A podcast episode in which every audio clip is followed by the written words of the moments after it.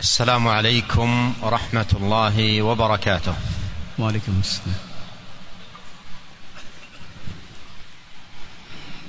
بسم الله الرحمن الرحيم. الحمد لله رب العالمين. وأشهد أن لا إله إلا الله وحده لا شريك له.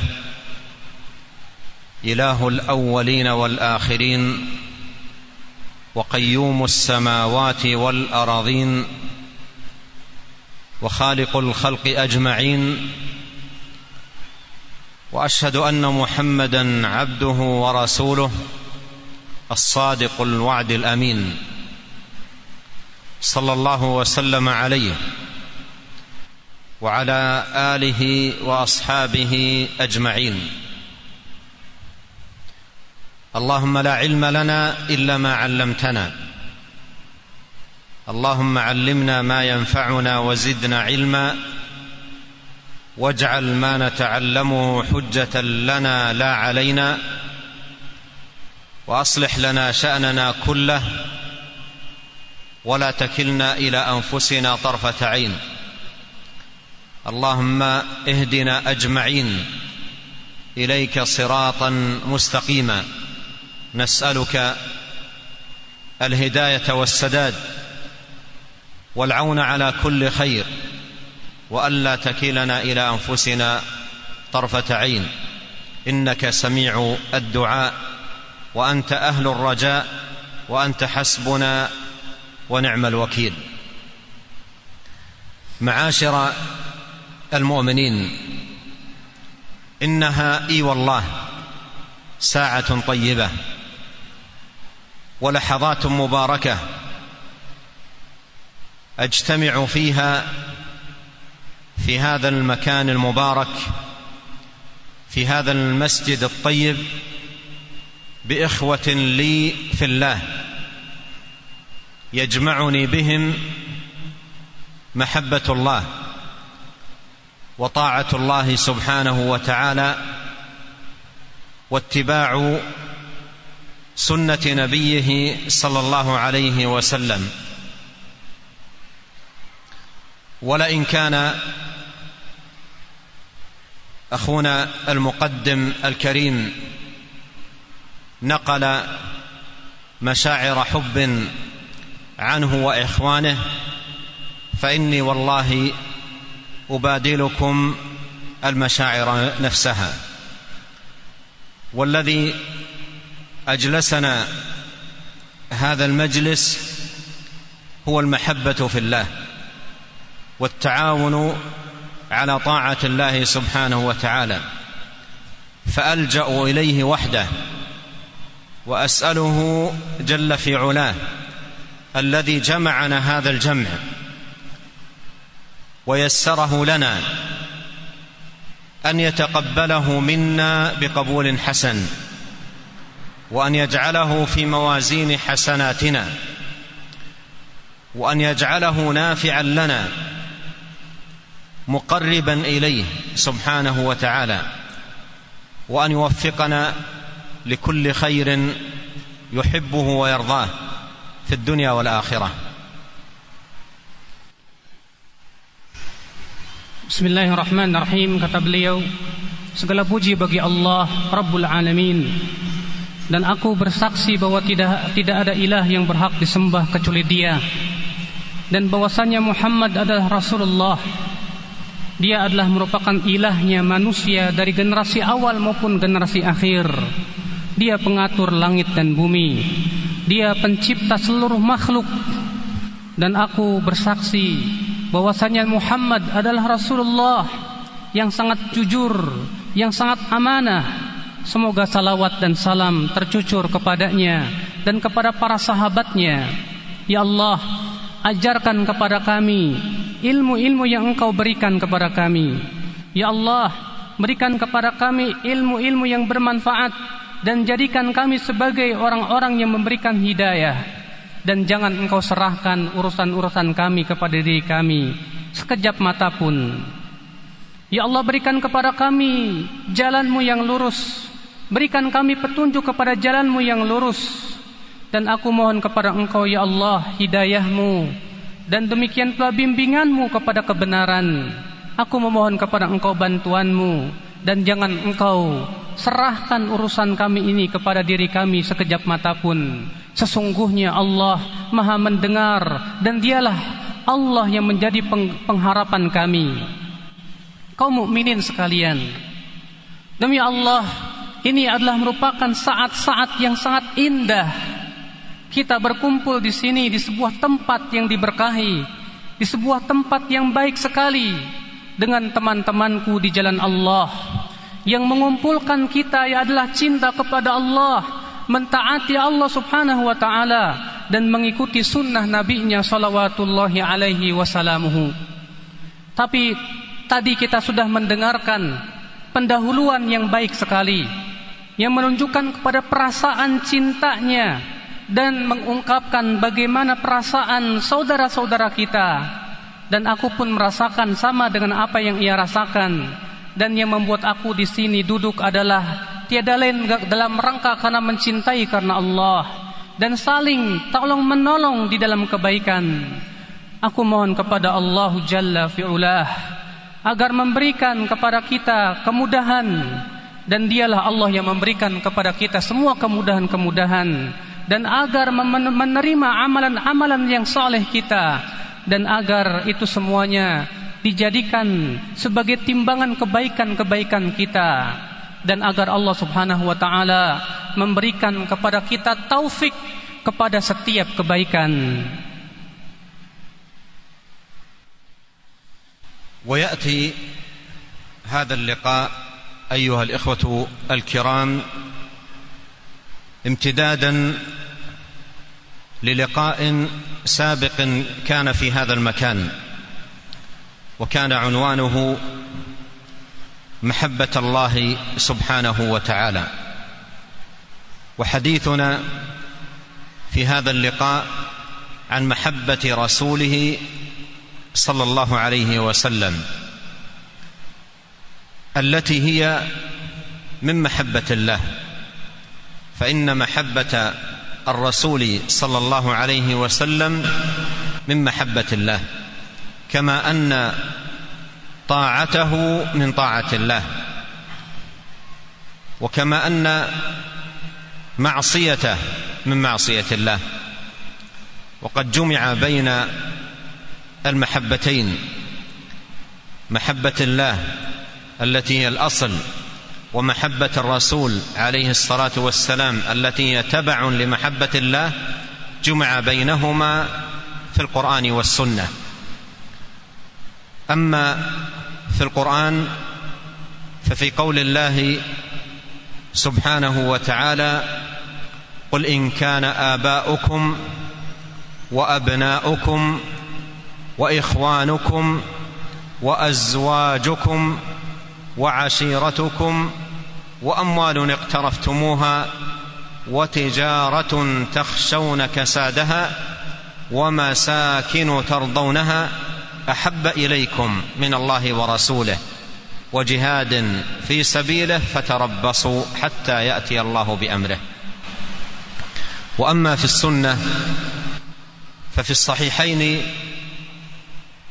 من حديث أنس بن مالك رضي الله عنه أن النبي صلى الله عليه وسلم قال ثلاث من كن فيه وجد بهن حلاوة الإيمان أن يكون الله ورسوله أحب إليه مما سواهما وأن يحب المرء لا يحبه إلا لله وأن يكره أن يعود في الكفر بعد ان انقذه الله منه كما يكره ان يقذف في النار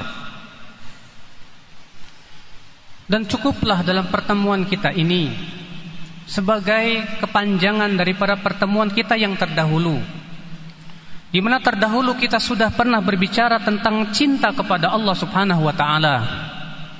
Dan pembicaraan kita pada hari ini adalah tentang cinta kepada Rasulullah sallallahu alaihi wasallam di mana kata beliau mencintai Rasulullah adalah merupakan konsekuensi daripada mencintai Allah Subhanahu wa taala mencintai Rasulullah adalah bagian daripada mencintai Allah dengan cara kita mentaati Allah Subhanahu wa taala dan menjauhi kemaksiatan kepada beliau. Di sana ada dua cinta. Cinta yang pertama adalah cinta kepada Allah yang merupakan pokok segala cinta. Dan yang kedua adalah mencintai Rasulullah sallallahu alaihi wasallam yang merupakan pengikutan daripada cinta kepada Allah Subhanahu wa taala.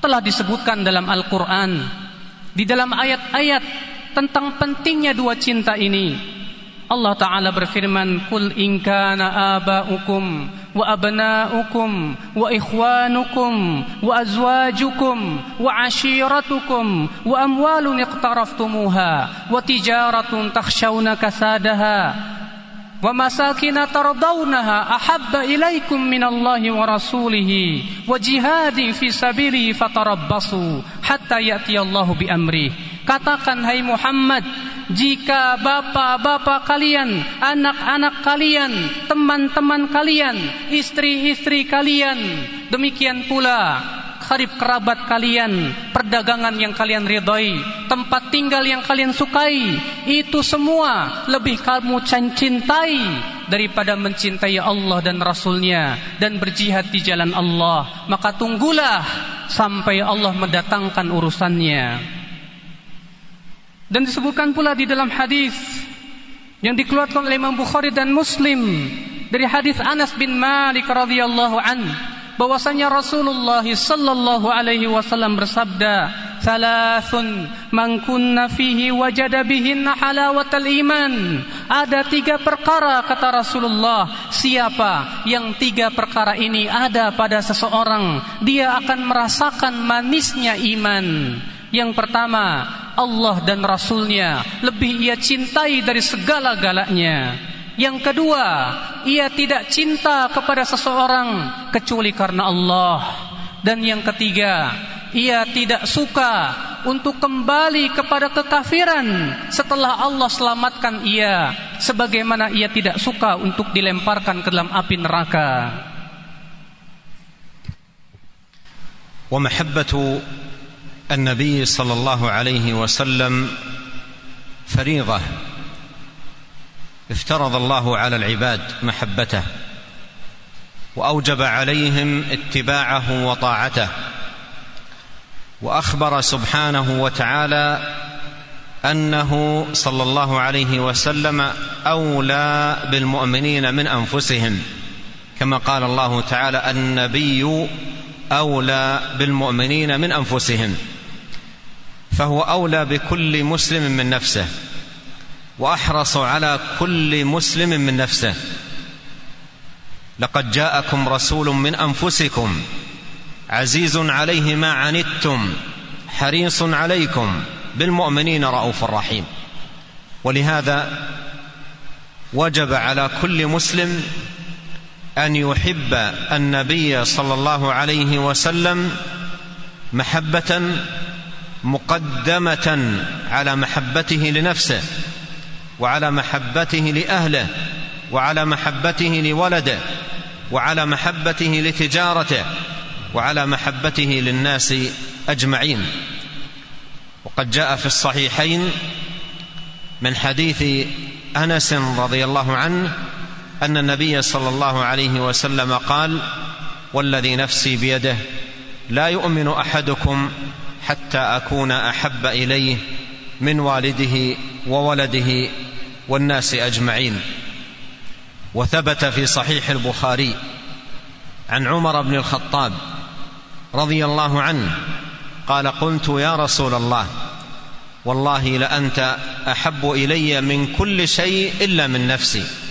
قال لا يؤمن أحدكم حتى أكون أحب إليه من نفسه. قال عمر والله لانت الان احب الي حتى من نفسي قال الان ya Umar Beliau berkata dan cinta kepada Rasulullah adalah kewajiban yang Allah wajibkan kepada kita semuanya dan bahwasannya Rasulullah sallallahu alaihi wasallam lebih berhak untuk kita cintai lebih berhak untuk kita cintai dari siapa pun dari kaum mukminin bahkan daripada dirinya sendiri. Maka seorang mukmin tentunya lebih mendahulukan Rasulullah, lebih mendahulukan Allah dan Rasulnya daripada diri-diri mereka sendiri. Rasulullah orang yang sangat sayang kepada umatnya, di mana Allah taala berfirman laqad ja'akum rasulun min anfusikum azizun 'alaihi ma 'anittum harisun 'alaikum bil mu'minina sungguh telah datang kepada kalian seorang rasul yang berasal dari diri kalian yang merasa susah terhadap apa yang menimpa kalian yang begitu semangat memberikan hidayah kepada kalian dan kepada kaum mukminin. Sangat rahim sangat kasih sayang dan lemah lembut jadi cinta kepada Rasulullah kata beliau, kewajiban kaum muslimin adalah lebih mendahulukan Rasulullah daripada dirinya sendiri. Lebih mendahulukan Rasulullah daripada anak-anaknya sendiri, daripada istrinya, daripada keluarganya, bahkan dari seluruh manusia kata beliau. Dan disebutkan dalam hadis Bukhari dan Muslim dari hadis Anas bin Malik bahwa Nabi Shallallahu Alaihi Wasallam bersabda, "Walladhi nafsi biyadih demi zat yang diriku berada di tangannya." Tidak beriman salah seorang dari kalian sampai aku lebih ia cintai daripada dirinya, daripada anaknya, bapaknya, dan daripada seluruh manusia. Bahkan di dalam Sahihul Bukhari bahwasanya Umar bin Khattab berkata kepada Rasulullah, "Wahai Rasulullah, la anta ahabbu ilayya min kulli syai'in illa min nafsi." Engkau lebih aku cintai dari segala sesuatu kecuali dari diriku wahai Rasulullah. Maka Rasul bersabda, "Tidak ya Umar, tidak sempurna iman wahai Umar sampai aku lebih engkau cintai daripada segala daripada dirimu sendiri." Lalu Umar berkata, "Sekarang wahai Rasulullah, engkau lebih aku cintai dari segala sesuatu sampai-sampai kepada diriku sendiri daripada diriku sendiri maka Rasulullah bersabda sekarang hai Umar imanmu sempurna وهذه المحبة محبة النبي الكريم صلوات الله وسلامه وبركاته عليه نعمة العدة والزاد ليوم لقاء الله تبارك وتعالى وإن لم يكن عند العبد كثير عمل من النوافل والرغائب والمستحبات. ففي الصحيحين عن أنس بن مالك رضي الله عنه أن رجلا سأل النبي صلى الله عليه وسلم فقال متى الساعة؟ قال وماذا أعددت لها؟ قال ما أعددت لها من كثير صلاة وصيام وصدقة ولكني أحب الله ورسوله. قال النبي صلى الله عليه وسلم أنت مع من أحببت. قال أنس فما فرحنا بشيء. بعد فرحنا بالإسلام أكثر من فرحنا بقول النبي صلى الله عليه وسلم إنك مع من أحببت. وإنا نحب رسول الله صلى الله عليه وسلم وأبا بكر وعمر ونسأل الله أن يحشرنا معهم وإن لم نبلغ عملهم. فهذا أيها الإخوة يبين لنا الثمرة العظيمة والأثر المبارك عندما يقوم في قلب المسلم محبة صادقة للنبي الكريم صلوات الله وسلامه وبركاته عليه. Inilah cinta kata beliau, cinta kepada Nabi Shallallahu Alaihi Wasallam adalah perbekalan kita menuju kehidupan akhirat kelak, menuju kehidupan yang di mana kita di sana akan bertemu dengan Allah Subhanahu Wa Taala. Dan tentunya kata beliau, cinta itu harus menimbulkan berbagai macam amalan soleh berupa ibadah-ibadah yang sunnah maupun ibadah-ibadah yang wajib di dalam Sahih Bukhari dan Muslim dari hadis Anas radhiyallahu anhu bahwasanya seseorang ber bertanya kepada Nabi sallallahu alaihi wasallam, "Wahai Rasulullah, kapan hari kiamat?" Kata Rasulullah, "Apa yang engkau persiapkan untuk menuju kehidupan akhirat itu?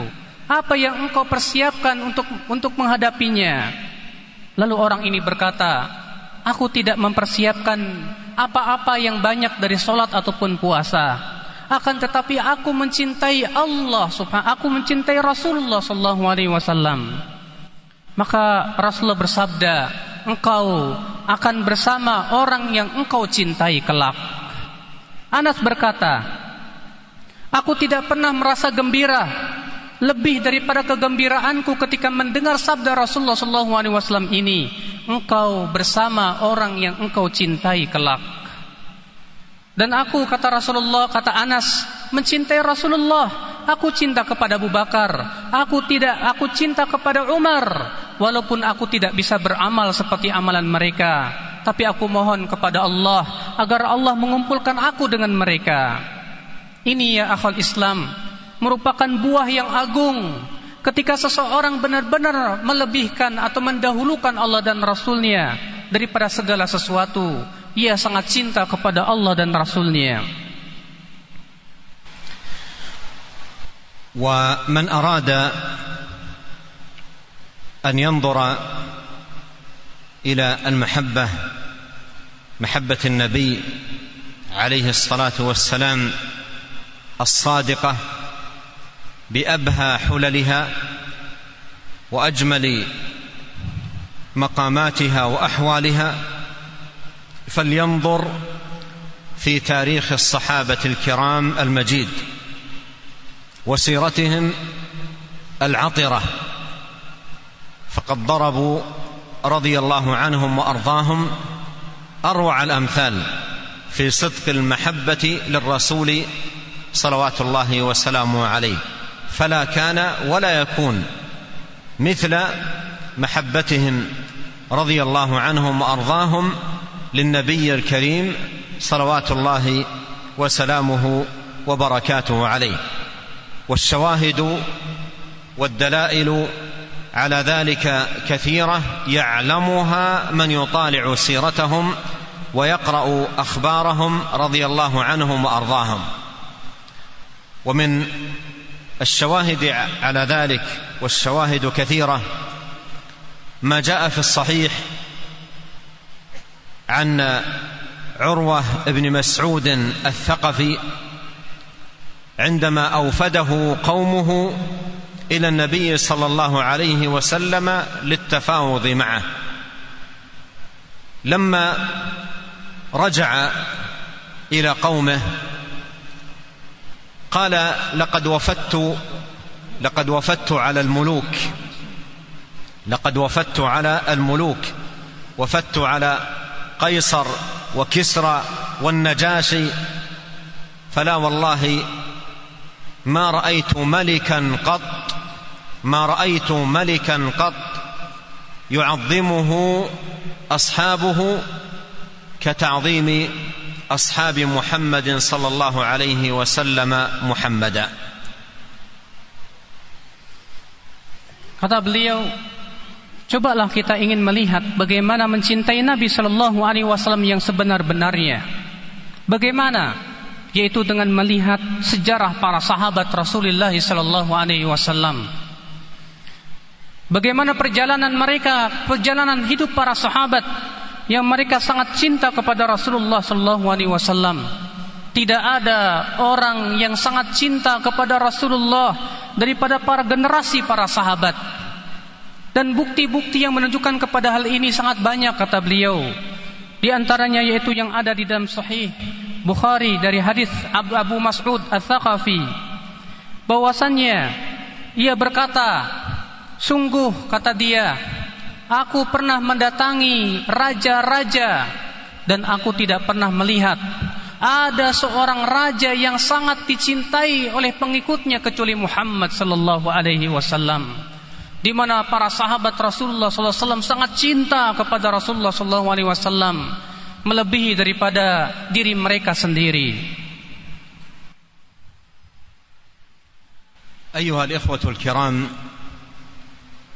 إن محبة النبي صلى الله عليه وسلم ليست مجرد دعوى يدعيها الإنسان بل محبته حقيقة عظيمة تقوم في قلب المحب الصادق. يكون لها أثرها عليه طاعة واتباعا للرسول الكريم صلوات الله وسلامه عليه. ولهذا ينبغي أن يعلم أن لمحبة النبي صلى الله عليه وسلم علامات تدل على صدقها وصدق وجودها في العبد. إذا قامت تلك العلامات ووجدت في العبد فهي دليل على صدق محبته للرسول الكريم صلوات الله وسلامه عليه. وأعظم ذلك وأهمه اتباعه والسير على نهجه ولزوم خطاه. كما جاء في القرآن الكريم قول الله سبحانه وتعالى قل إن كنتم تحبون الله فاتبعوني يحببكم الله ويغفر لكم ذنوبكم والله غفور رحيم. قال الإمام ابن كثير رحمه الله تعالى في تفسيره لهذه الآية قال هذه الآية حاكمة على كل من ادعى محبة النبي صلى الله عليه وسلم دون أن يلتزم النهج النبوي والشرع المحمدي بأن دعواه كاذبة. ما لم يلتزم ويتقيد بهدي النبي الكريم عليه الصلاة والسلام. ولهذا يسمي العلماء رحمهم الله هذه الآية آية المحنة. يسمونها آية المحنة. أي من كان يدعي المحبة محبة النبي صلى الله عليه وسلم فليمتحن نفسه في ضوء هذه الآية الكريمة. هل هو متقيد بهديه ملتزم لنهجه متمسك بطريقته عامل بتوجيهاته صلى الله عليه وسلم. إن كان كذلك فإن المحبة صادقة. أما إن كان يدعي المحبة وهو لا يطيع النبي عليه الصلاة والسلام ولا يتبع نهجه الكريم عليه الصلاة والسلام فهذا ليس من علامات صدقها.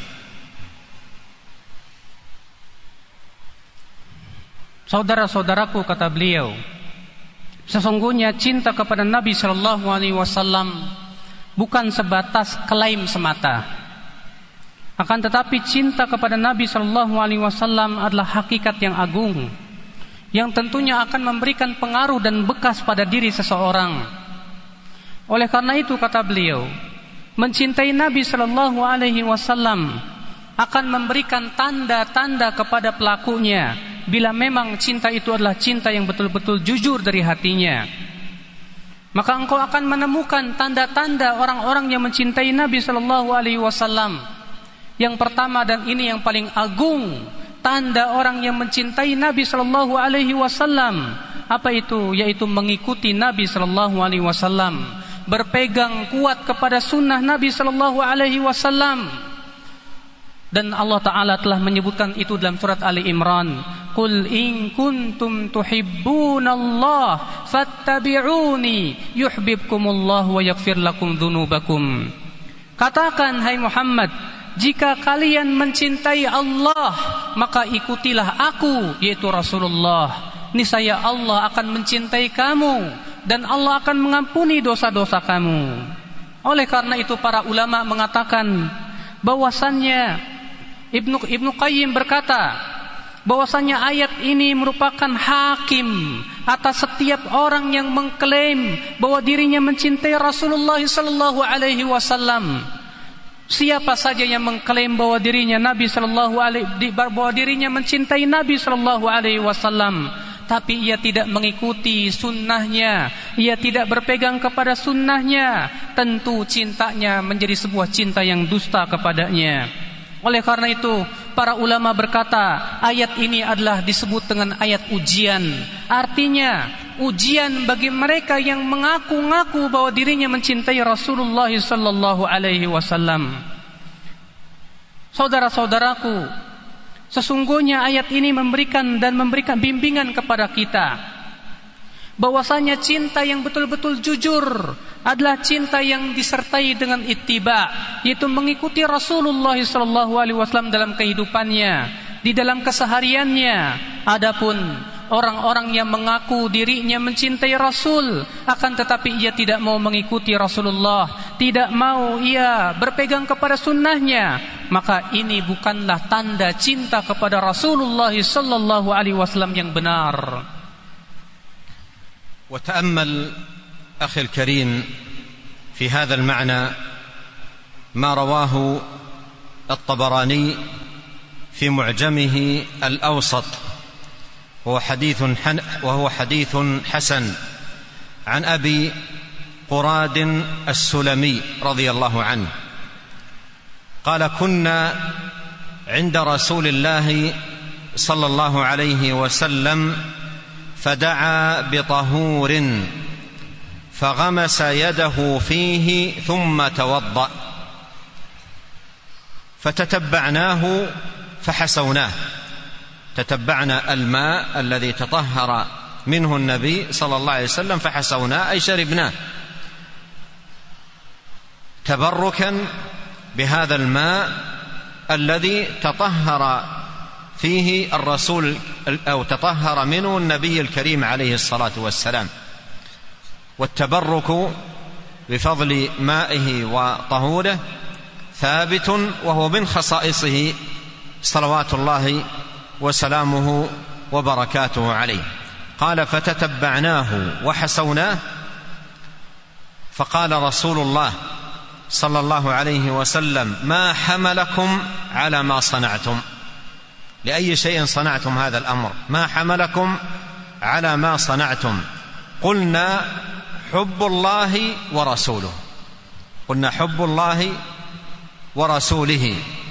قال فإن أحببتم إن أحببتم أن يحبكم الله ورسوله فأدوا إذا اؤتمنتم فأدوا إذا اؤتمنتم واصدقوا إذا حدثتم وأحسنوا جوار من جاوركم. فأرشدهم صلوات الله وسلامه عليه إلى إظهار هذه العلامة على صدق المحبة بالاتباع للنبي الكريم عليه الصلاة والسلام واللزوم لنهجه القويم صلى الله عليه وسلم. Perhatikanlah saudaraku yang mulia sebuah hadis yang dikeluarkan oleh At-Tabrani di dalam Al-Awsat dan hadis itu adalah hadis yang hasan. Dari salah seorang sahabat ia berkata, kami berada di sisi Rasulullah sallallahu alaihi wasallam Lalu beliau meminta air untuk berwudu. Lalu kemudian beliau pun berwudu dengannya. Lalu kami pun apa mengikutinya. Lalu kemudian kami meminum ya air wudu tersebut yang beliau berwudu dengannya. Maka Rasulullah Shallallahu Alaihi Wasallam bertanya kepadanya, kenapa kalian lakukan itu? Artinya sahabat ini ketika melihat ada air sisa wudu Rasulullah Shallallahu Alaihi Wasallam diambilnya lalu kemudian diminumnya. Kemudian Rasulullah bertanya, "Kenapa kalian melakukan seperti itu?" Lalu sahabat ini berkata, "Aku mencintai Allah dan Rasulnya." Kata Rasulullah, "Jika kalian memang mencintai Allah dan Rasulnya, dan jika kalian suka Allah dan Rasulnya mencintai kalian, maka laksanakanlah amanah dan jujurlah dalam berkata dan berbuat baiklah kepada ya karib karib kerabat dan tetangga. Lihatlah kata beliau, bagaimana tanda yang Rasulullah sebutkan dalam hadis ini bahwasanya mencintai Rasulullah sallallahu alaihi wasallam tiada lain dengan cara ittiba yaitu mengikuti Rasulullah dan luzumu manhajihi berpegang kepada manhaj Rasulullah sallallahu alaihi wasallam. ومن علائم المحبة وشواهدها ودلائلها الإكثار من ذكره صلوات الله وسلامه عليه فإن الله عز وجل أعلى شأنه ورفق ورفع مقامه وأعلى ذكره فلا يذكر سبحانه وتعالى إلا ويذكر معه الرسول الكريم صلوات الله وسلامه عليه ولا سيما في أشرف المقامات وأرفعها كالأذان والإقامة والتشهد ونحو ذلك. والإكثار من ذكره صلوات الله وسلامه عليه يكون بالعناية بدراسة سيرته وتعلم هديه والتأمل في مناقبه وشمائله والوقوف على أخلاقه وآدابه وتكون هذه العناية عناية مستمرة بغرض الاتباع والائتساء والاهتداء بهديه الكريم صلوات الله وسلامه عليه مع الحرص على الصلاة والسلام عليه عند كل مرة يذكر فيها صلوات الله وسلامه عليه والبخيل من الناس من يذكر عنده النبي صلى الله عليه وسلم فلا يصلي عليه صلى الله عليه وسلم Kemudian tanda yang kedua kata beliau yaitu memperbanyak dengan mengingat Rasulullah SAW yaitu memperbanyak salawat kepada beliau. Karena Allah Subhanahu wa taala telah mengangkat penyebutan Rasulullah. Allah telah memberikan kemuliaan dan keharuman nama. Maka dari itulah Allah Subhanahu wa taala menyebut Rasulullah sallallahu alaihi wasallam di dalam beberapa ibadah seperti adzan, seperti iqamah, seperti tasyahud dan beberapa tempat yang lainnya di mana Allah Subhanahu wa taala memuliakan Rasulullah sallallahu alaihi wasallam dengan menyebutkan nama beliau di tempat-tempat tersebut. Dan memperbanyak mengingat Rasulullah sallallahu alaihi wasallam caranya bagaimana kata beliau yaitu dengan cara yang pertama mempelajari bagaimana kehidupan Rasulullah sallallahu alaihi wasallam perjalanan hidupnya perjuangannya Demikian pula memperhatikan bagaimana akhlak beliau, bagaimana adab-adab beliau, bagaimana kehidupan beliau, keseharian beliau. Selain ia mengikuti Rasulullah SAW dan berpegang kepada manhajnya.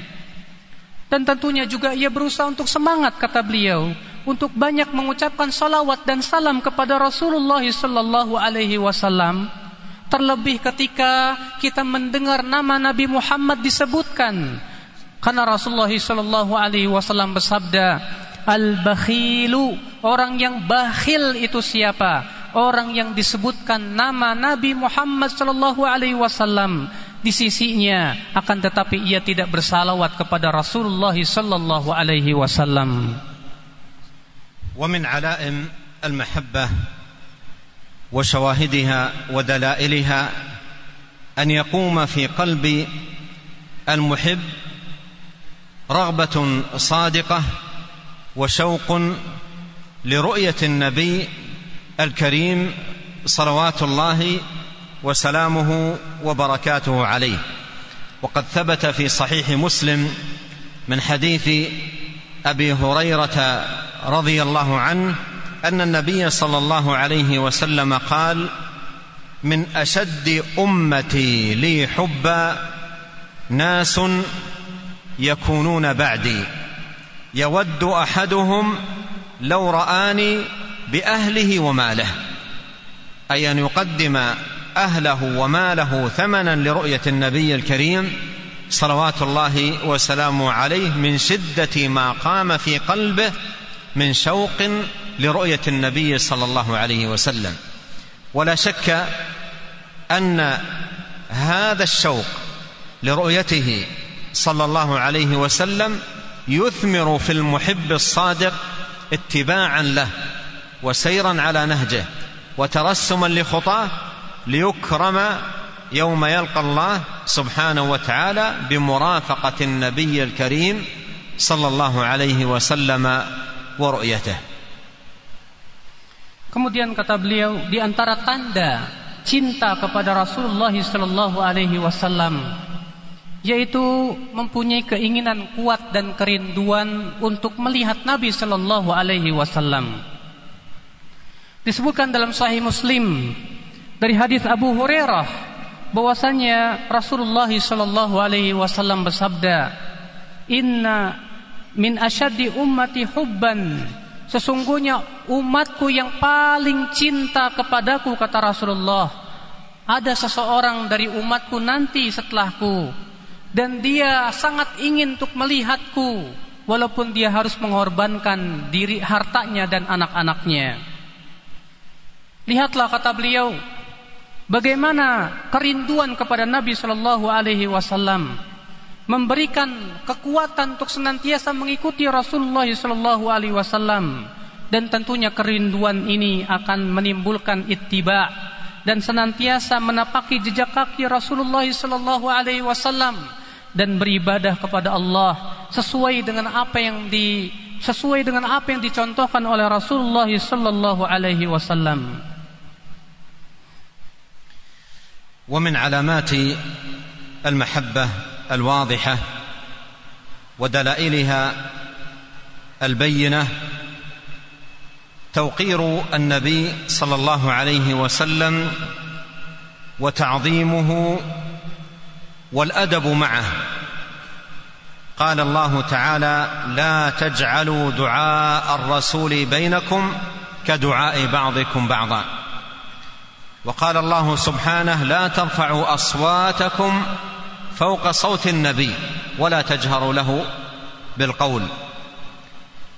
إلى غير ذلك من الآيات الكريمات التي توجب محبة النبي عليه الصلاة والسلام واحترامه ومعرفة قدره العظيم ومقامه الرفيع صلوات الله وسلامه وبركاته عليه. ويكون معظما له التعظيم اللائق بجنابه صلى الله عليه وسلم.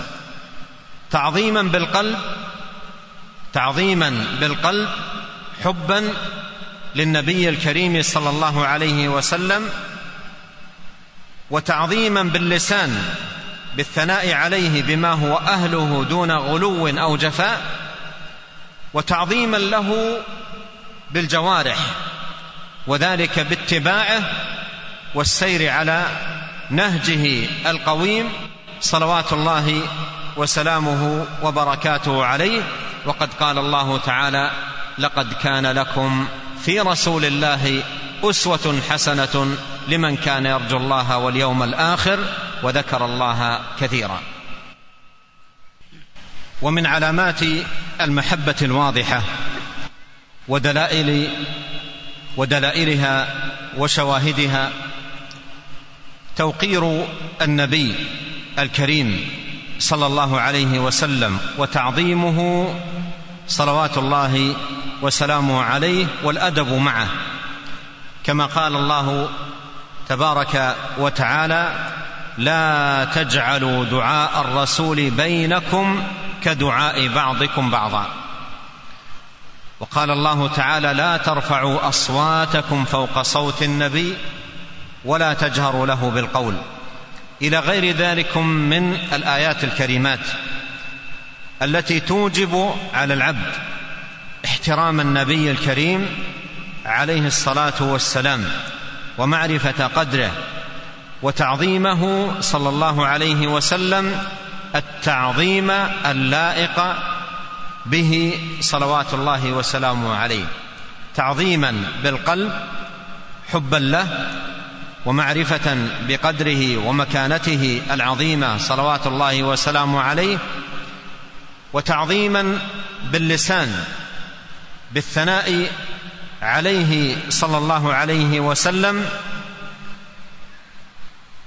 دون غلو أو جفاء ودون إفراط أو تفريط وتعظيما له بالجوارح وذلك باتباع نهجه القويم ولزوم سنته صلى الله عليه وسلم والسير على نهجه.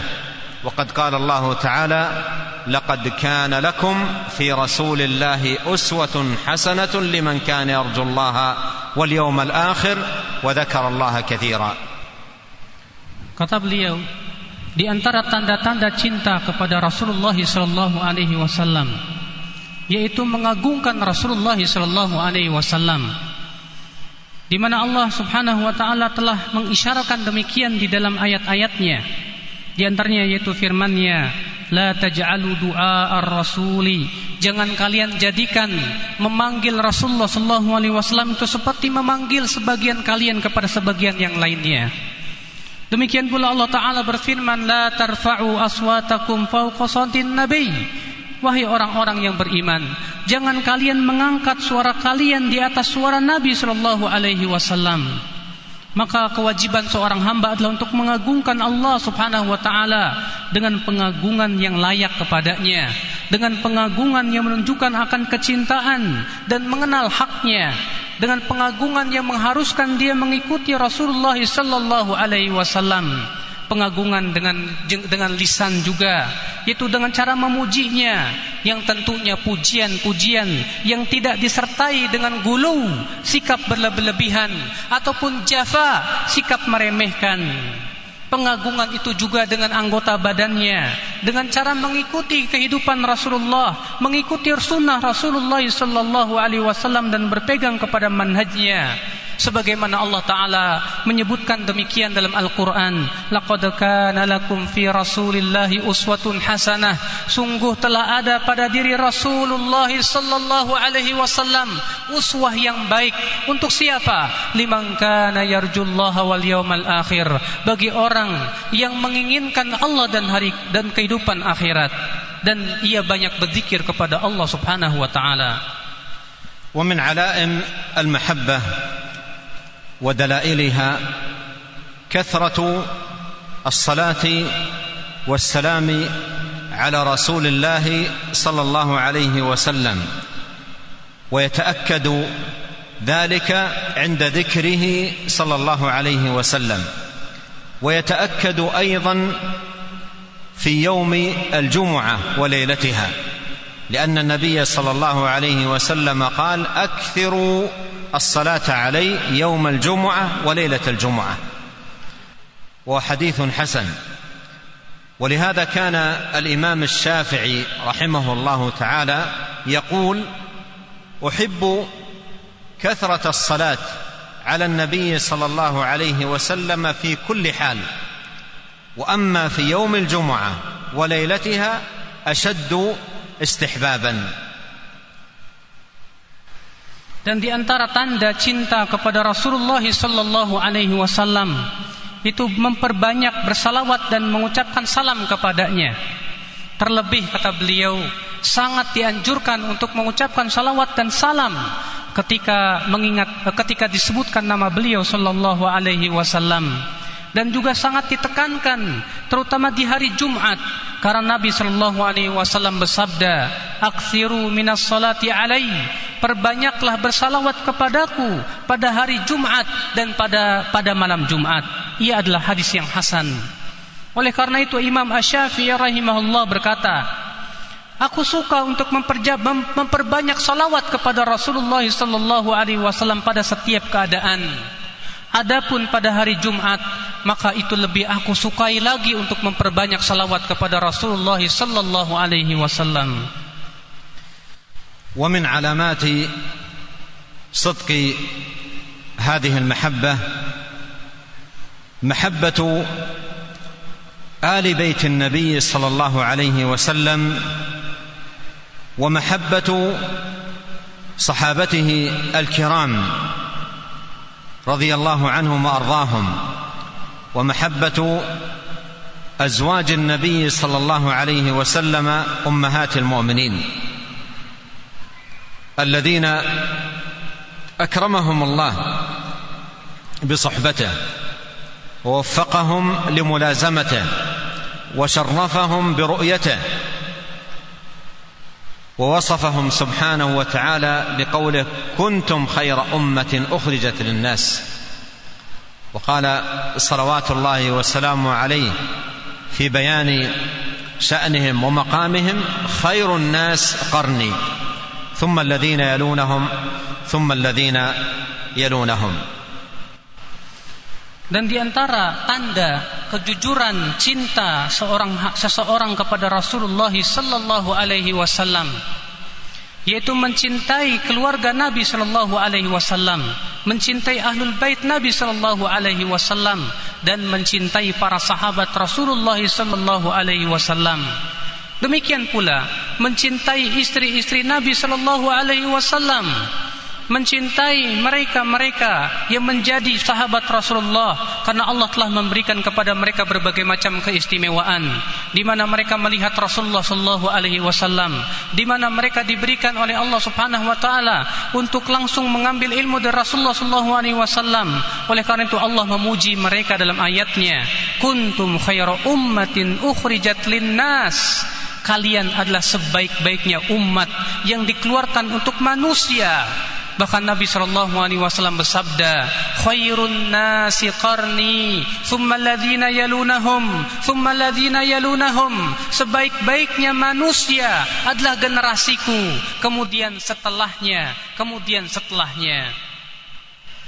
ومن علامات هذه المحبة محبة المتمسكين بسنة النبي صلى الله عليه وسلم محبة دعاة السنة وحملتها.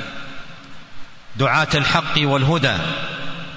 الذين يدعون إلى الله سبحانه وتعالى على بصيرة. وقد جاء في الصحيح عن عبد الله بن مسعود رضي الله عنه. قال جاء رجل إلى رسول الله صلى الله عليه وسلم فقال يا رسول الله كيف تقول في رجل أحب قوما ولم ولم يلحق بهم. كيف تقول في رجل أحب قوما ولم يلحق بهم؟ فقال رسول الله صلى الله عليه وسلم المرء مع من أحب. فمحبة حمله السنة هي من محبة النبي الكريم صلوات الله وسلامه عليه.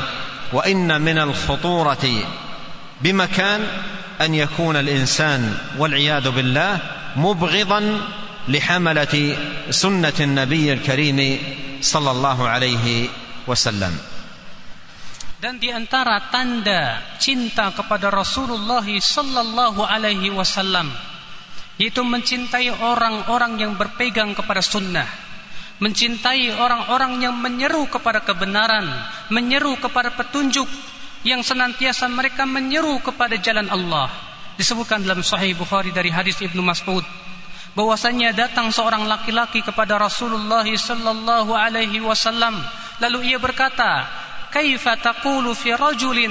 Bagaimana pendapatmu hai Rasulullah tentang seseorang yang mencintai suatu kaum tapi ia tidak bertemu dengan mereka? Maka Rasulullah sallallahu alaihi wasallam bersabda, "Al mar'u ma'aman ahab." Seseorang itu akan bersama dengan yang ia cintai. Maka mencintai pembawa sunnah termasuk mencintai Nabi sallallahu alaihi wasallam. Mencintai para dai kepada sunnah itu termasuk mencintai Rasulullah sallallahu alaihi wasallam dan di antara bahaya yang paling yang yang agung kata beliau. Apa itu? Yaitu seseorang membenci. Para pemegang sunnah, membenci orang-orang yang membawa sunnah dan menyerukan kepada sunnah.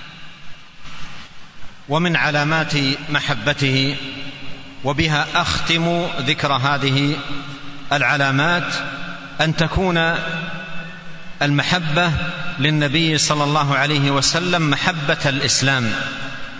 لا غلو فيها ولا جفاء ولا إفراط فيها. ولا تفريط.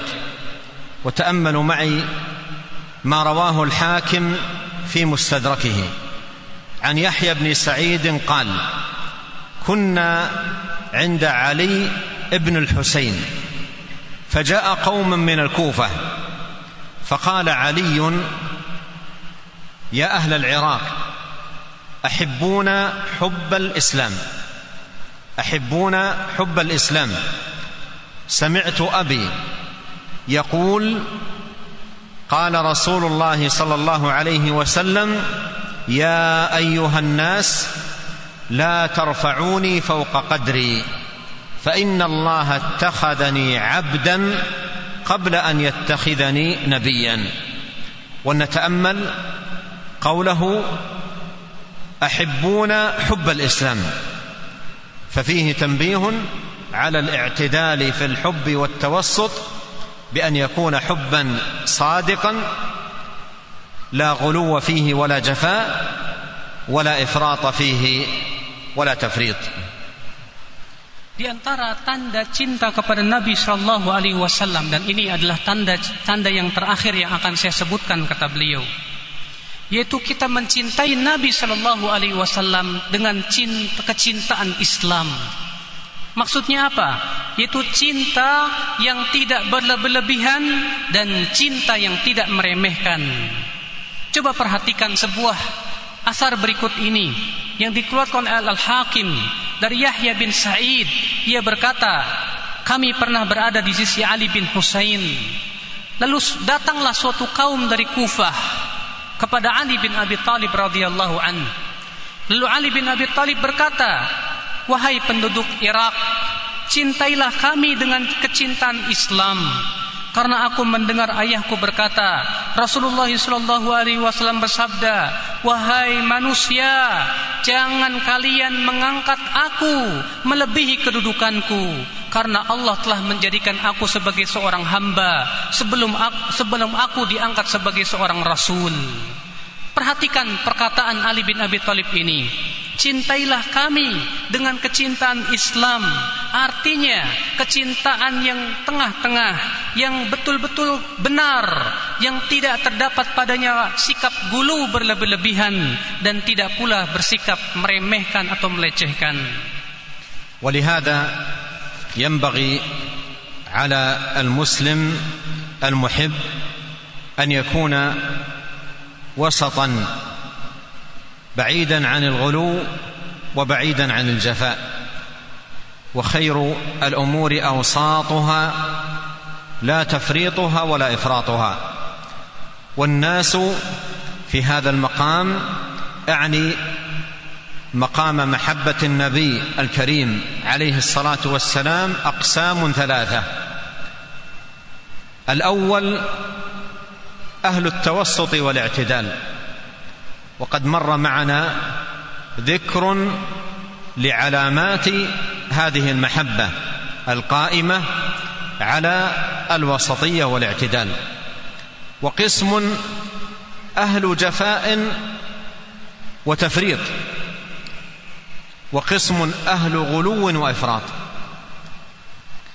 ولعلي أذكر على وجه التنبيه والتحذير بعض علامات الجفاء بعض علامات الجفاء في ما يتعلق بنبينا الكريم صلوات الله وسلامه وبركاته عليه Kata beliau, selayaknya agar kita bersikap tengah-tengah, tidak berlebihan dan tidak bersikap melecehkan. Karena sebaik-baiknya urusan adalah ausatuha, yaitu yang ter, yang tengah-tengah, tidak berlebihan dan tidak melecehkan. Dan manusia dalam masalah ini terbagi menjadi tiga, tiga kelompok. Kelompok yang pertama kata beliau ahlut tawassut yaitu orang-orang yang tidak berlebihan kepada Rasulullah dan tidak pula melecehkan dan telah kita sebutkan tandanya ini sebelum ini yaitu tentang orang-orang yang mencintai Nabi Shallallahu Alaihi Wasallam. Yang kedua yaitu orang-orang yang melecehkan dan meremehkan Nabi Shallallahu Alaihi Wasallam. Dan yang ketiga orang-orang yang berlebih-lebihan dan mereka pun ia melakukan apa cintanya kepada Rasulullah begitu berlebihan sehingga mendudukan Rasulullah SAW melebihi kedudukan beliau sebagai seorang manusia biasa dan Rasulnya. Barangkali kata beliau aku akan menyebutkan sebagian tanda-tanda sikap yang meremehkan yang berhubungan dengan masalah ini. فمن فمن مظاهر الجفاء أيها الإخوة الكرام ضعف محبة النبي صلى الله عليه وسلم في القلوب وتقديم محبة دنيا زائفة وأهواء زائلة وملذات فانية على محبته صلوات الله وسلامه وبركاته عليه. Dan di antara tanda orang yang meremehkan Nabi Shallallahu Alaihi Wasallam yaitu lemahnya kecintaan kepada Nabi Shallallahu Alaihi Wasallam di dalam hati. Dia lebih mendahulukan cinta kepada dunia, lebih mendahulukan cinta kepada hawa nafsu dan kelezatan-kelezatan yang tidak kekal. Ia lebihkan itu daripada mengikuti Nabi sallallahu alaihi wasallam. ومن مظاهر الجفاء الإعراض عن سنته الغراء ومحجته البيضاء وهديه القويم صلوات الله وسلامه عليه والانصراف عن ذلك بانشغال بآراء باطلة وأهواء فاسدة ونحو ذلك من أمور صرفت الناس عن سنة النبي الكريم صلى الله عليه وسلم. Di antara tanda orang yang melecehkan sunnah Nabi Shallallahu Alaihi Wasallam, yaitu berpaling dari sunnah Nabi Shallallahu Alaihi Wasallam, berpaling dari petunjuk beliau yang lurus, dan tidak mau mempelajari, tidak mau memperhatikannya. Bahkan ia lebih disibukkan dengan mempelajari pendapat-pendapat yang batil, pemikiran-pemikiran yang merusak, ataupun yang lainnya yang bisa memalingkan manusia dari mengikuti sunnah Nabi Shallallahu Alaihi Wasallam. ومن مظاهر الجفاء عدم تعظيم أحاديث الرسول الكريم صلى الله عليه وسلم فتجد في بعض المجالس إذا ذكر حديث عن النبي صلى الله عليه وسلم كان سماع الناس له وإقبالهم عليه كسماعهم لأي حديث. بل تجد بعضهم يتجرأ في بعض المجالس في رد أحاديث النبي عليه الصلاة والسلام. فمثلا يذكر له حديث عن النبي صلى الله عليه وسلم فيقول لما أو يقول لكن كذا وكذا؟ أو يقول كيف؟ معترضا على أحاديث الرسول صلوات الله وسلامه وبركاته عليه. فأين المعرفة بقدره؟ واين التعظيم له ولاحاديثه عليه الصلاه والسلام وهو لا ينطق عن الهوى ان هو الا وحي يوحى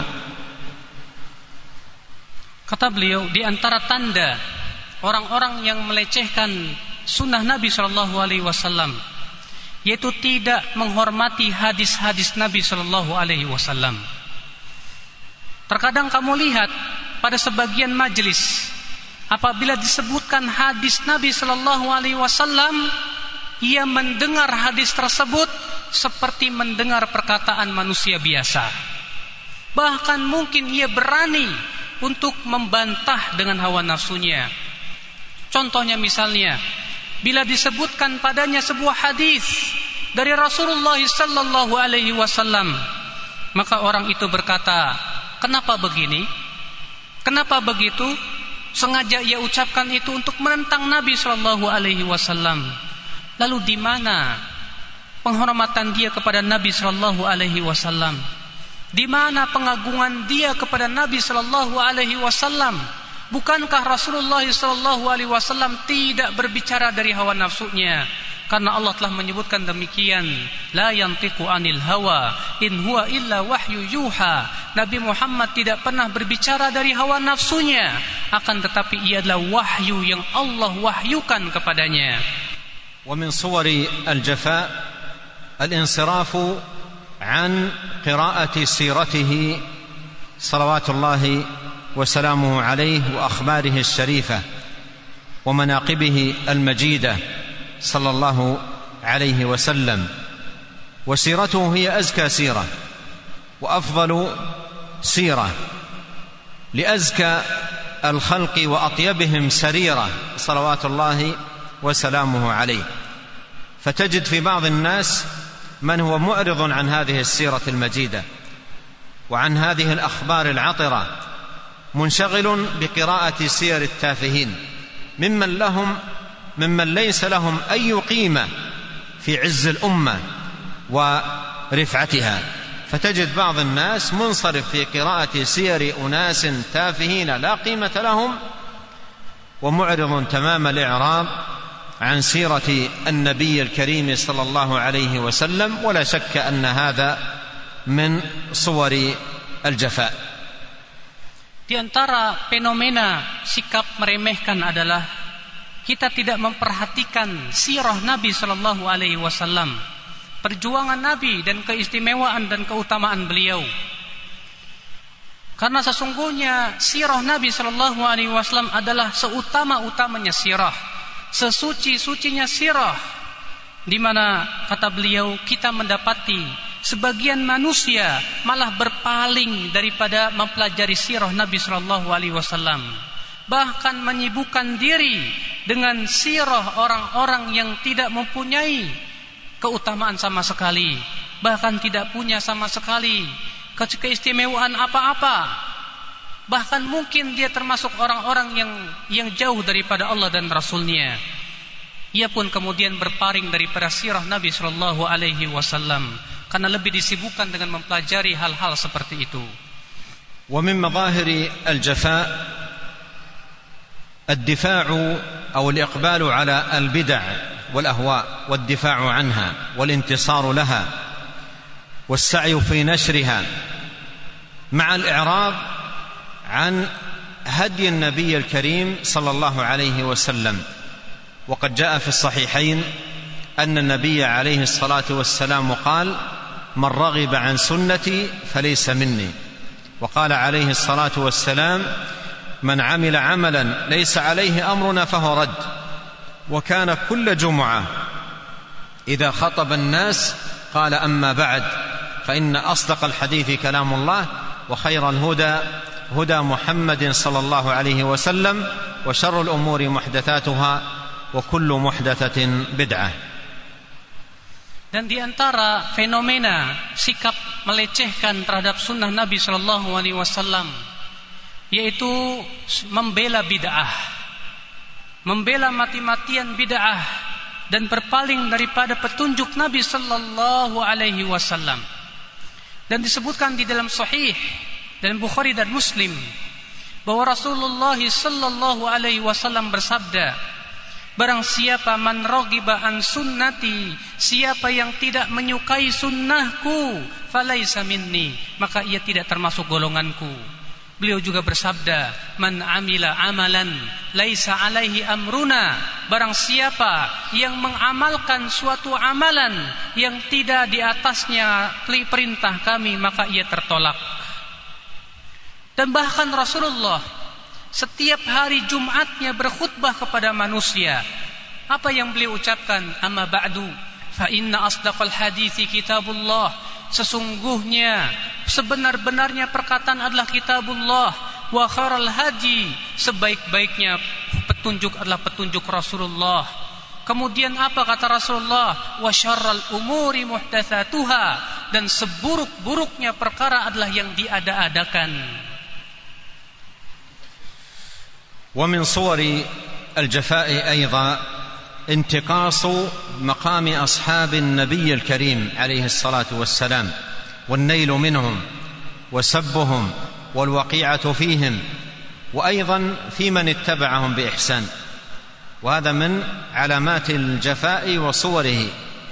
وقد جاء عن نبينا عليه الصلاة والسلام أنه قال لا تسبوا أصحابي فوالذي نفسي بيده لو أنفق أحدكم مثل أحد ذهبا ما بلغ مد أحدهم ولا نصيفه.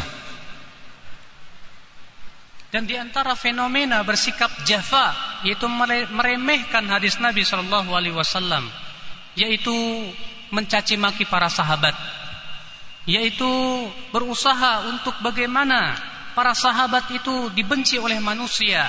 Bahkan ia pun mencaci maki orang-orang yang mengikuti para sahabat Rasulullah sallallahu alaihi wasallam.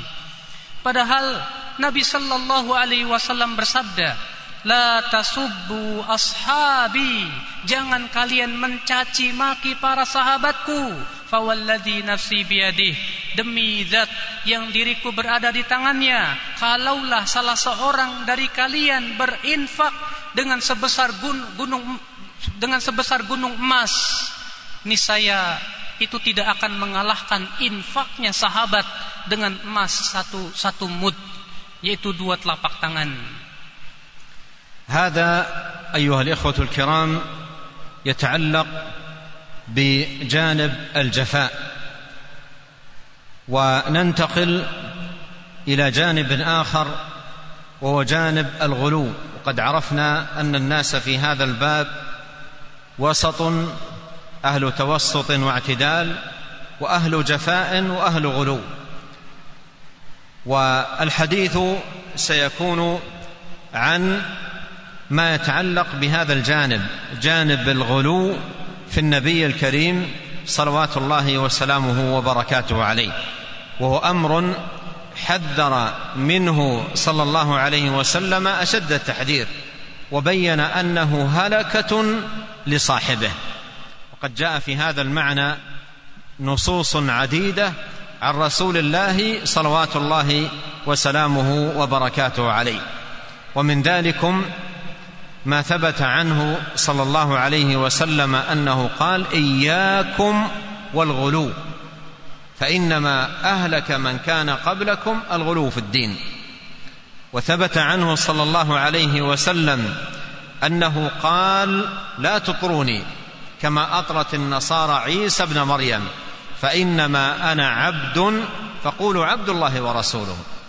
وفي قوله عليه الصلاة والسلام فقولوا عبد الله ورسوله تنبيه على الوسطية وتحذير من الغلو والجفاء وتحذير من الغلو والجفاء لأن في إثبات العبودية نفي للغلو وفي إثبات الرسالة نفي للجفاء وهكذا ينبغي أن يكون المسلم وسطا في هذا النبي الكريم عليه الصلاة والسلام لا غلو ولا جفاء Ini yang berhubungan dengan sikap jafa yaitu meremehkan Rasulullah SAW. Dan kita akan berpindah kepada fenomena-fenomena yang menunjukkan akan sikap berlebih-lebihan kepada Rasulullah SAW. Dan kita sekarang kata beliau akan menyebutkan karena sudah kita ketahui kata beliau bahwa manusia itu ada tiga kelompok. Yang pertama yang berlebih-lebihan, yang kedua yang melecehkan, dan yang terbaik adalah yang tengah-tengah, yang tidak berlebihan dan tidak melecehkan. Dan Rasulullah Wasallam sudah menjelaskan bahwasanya sikap gulu berlebih-lebihan itu akan membinasakan pelakunya. Telah datang dalam nas-nas dalam hadis-hadis Nabi Shallallahu Alaihi Wasallam di antaranya yaitu sabda Rasulullah Shallallahu Alaihi Wasallam Iyakum wal gulu jauhi oleh kalian sikap gulu yaitu berlebihan. Fa innama ahlaka man kana qablakum. Karena sikap berlebihan atau gulu itu membinasakan orang-orang sebelum kalian. Dan juga Rasulullah Shallallahu Alaihi Wasallam bersabda La tuturuni kama atratin nasara Isa bin Maryam. Janganlah kalian berlebih-lebihan di dalam memuji aku sebagaimana orang-orang Nasrani itu berlebih-lebihan dalam memuji Isa bin Maryam. Perhatikanlah sabda Rasulullah. Akan tetapi ucapkan, aku ini adalah hamba Allah dan Rasulnya. Sabda Rasulullah, ucapkan, aku ini hamba Allah dan Rasulnya memberikan kepada kita peringatan agar kita bersikap tengah-tengah, tidak berlebihan dan tidak merecehkan. Ketika Rasulullah mengatakan hamba Allah, berarti penghambaan ini menunjukkan bahwa kita tidak boleh berlebihan. Dan ketika kita katakan Rasulnya Sallallahu Alaihi Wasallam, Ini menunjukkan kita tidak boleh melecehkan hak Rasulullah sallallahu alaihi wasallam. Maka selayaknya kita untuk bersikap tengah-tengah antara itu semuanya kata beliau. وقد كان صلوات الله وسلامه وبركاته عليه يسد الذرائع ويحمي حمى الدين ويحوط جنابه وكان صلى الله عليه وسلم اذا سمع غلوا أو اطراء أو تجاوزا في الحد مما يتعلق به عليه الصلاة والسلام أو بغيره نهى عن ذلك وحذر منه صلى الله عليه وسلم أشد التحذير. ولهذا لما سمع رجلا يقول ما شاء الله وشئت غضب عليه الصلاة والسلام وقال أجعلتني لله عدلا بل قل ما شاء الله وحده. ولما سمع امرأة تقول وفينا رسول الله يعلم ما في غد غضب صلى الله عليه وسلم وقال لا يعلم ما في غد إلا الله. ولما قال ذلك الرجل الأسير في مجلس النبي صلى الله عليه وسلم لما دعي للتوبة قال أتوب إلى الله ولا أتوب لمحمد. قال نبينا صلى الله عليه وسلم عرف الحق لأهله. والاحاديث في هذا المعنى كثيره Kemudian kata beliau adalah Nabi Shallallahu Alaihi Wasallam menutup berbagai macam pintu yang menjerumuskan kepada perkara-perkara yang menyimpang dari agama. Di antaranya contoh-contohnya adalah kata beliau Nabi Shallallahu Alaihi Wasallam apabila mendengar ucapan-ucapan yang berbau sikap gulu berlebih-lebihan yang berhubungan dengan beliau ataupun yang berhubungan dengan yang selain Rasulullah maka Rasulullah segera melarangnya segera mengingkarinya. Sebuah contoh ketika Rasulullah alaihi wasallam mendengar seorang sahabat mengatakan begini Masya Allah wa syi'ta apa yang Allah kehendaki dan apa yang engkau kehendaki. Maka Rasulullah sallallahu alaihi wasallam marah dan beliau berkata, bersabda, "Aja'altani lillahi nidda?" Apakah kamu hendak menjadikan aku tandingan selain Allah? Tapi katakan dengan kehendak Allah saja. Dan ketika Rasulullah SAW mendengar seorang wanita berkata, wa fina nabiyyun ya'lamu ma fi ghadin. Pada kami ada seorang nabi yang mengetahui apa yang akan terjadi di masa depan. Maka Rasulullah mengingkari dan beliau bersabda la ya'lamu ma fi ghadin illallah. Tidak ada yang mengetahui apa yang akan terjadi di masa depan kecuali Allah Subhanahu wa taala. Bahkan ketika ada seorang laki-laki yang ditawan yang disuruh oleh Rasulullah sallallahu alaihi wasallam untuk bertaubat kepada Allah. Apa kata orang itu? Aku bertaubat kepada Allah dan aku tidak bertaubat kepada Muhammad sallallahu alaihi wasallam. Apa kata Rasulullah? Sungguh orang ini telah mengetahui hak ya kepada siapa pemiliknya. ولا يشفع للإنسان في هذا المقام أعني مقام المغالاة في النبي صلى الله عليه وسلم قصد محبته وإظهار محبته. بل لا بد مع هذا القصد الطيب من اتباع لهديه ولزوم لنهجه صلوات الله وسلامه عليه. والأمر كما قال ابن مسعود رضي الله عنه ليس كل من أراد الخير أدركه. ولهذا ينبغي على الإنسان ان يزم نفسه بزمام السنة وأن يتقيد بهدي النبي الكريم صلوات الله وسلامه عليه والا يمارس أي أمر لا أصل له في الدين ولا دليل عليه من هدي النبي الكريم عليه الصلاة والسلام بحجة أنه إنما يفعل ذلك محبة للنبي صلى الله عليه وسلم. ومما يوضح ذلك والأمور أو الشواهد على هذا المعنى كثيرة لكن مما يوضح ذلك قصة ذلك الصحابي الذي ذبح أضحيته يوم عيد الأضحى قبل الصلاة وكان غرضه من ذبحها غرض حسن. ومقصده مقصد طيب. فذبح أضحيته قبل الصلاة من أجل أن تهيأ وأن تجهز وأن تطهى بحيث لا يأتي الناس بعد الصلاة إلا وهي جاهزة وتكون من أول الذبائح التي تقدم للناس في ذلك اليوم. هذه نية حسنة ومقصد طيب. فلما جاء إلى النبي صلى الله عليه وسلم وأخبره بما صنع قال له النبي عليه الصلاة والسلام شاتك شات لحم. أي ليست أضحية. لم يشفع له حسن قصده في قبول عمله أضحية في ذلك اليوم. قال عليه الصلاة والسلام شاتك شات لحم. أي إن كنت تريد أضحية فاذبح. كما هو الهدي بعد الصلاة لا قبل الصلاة.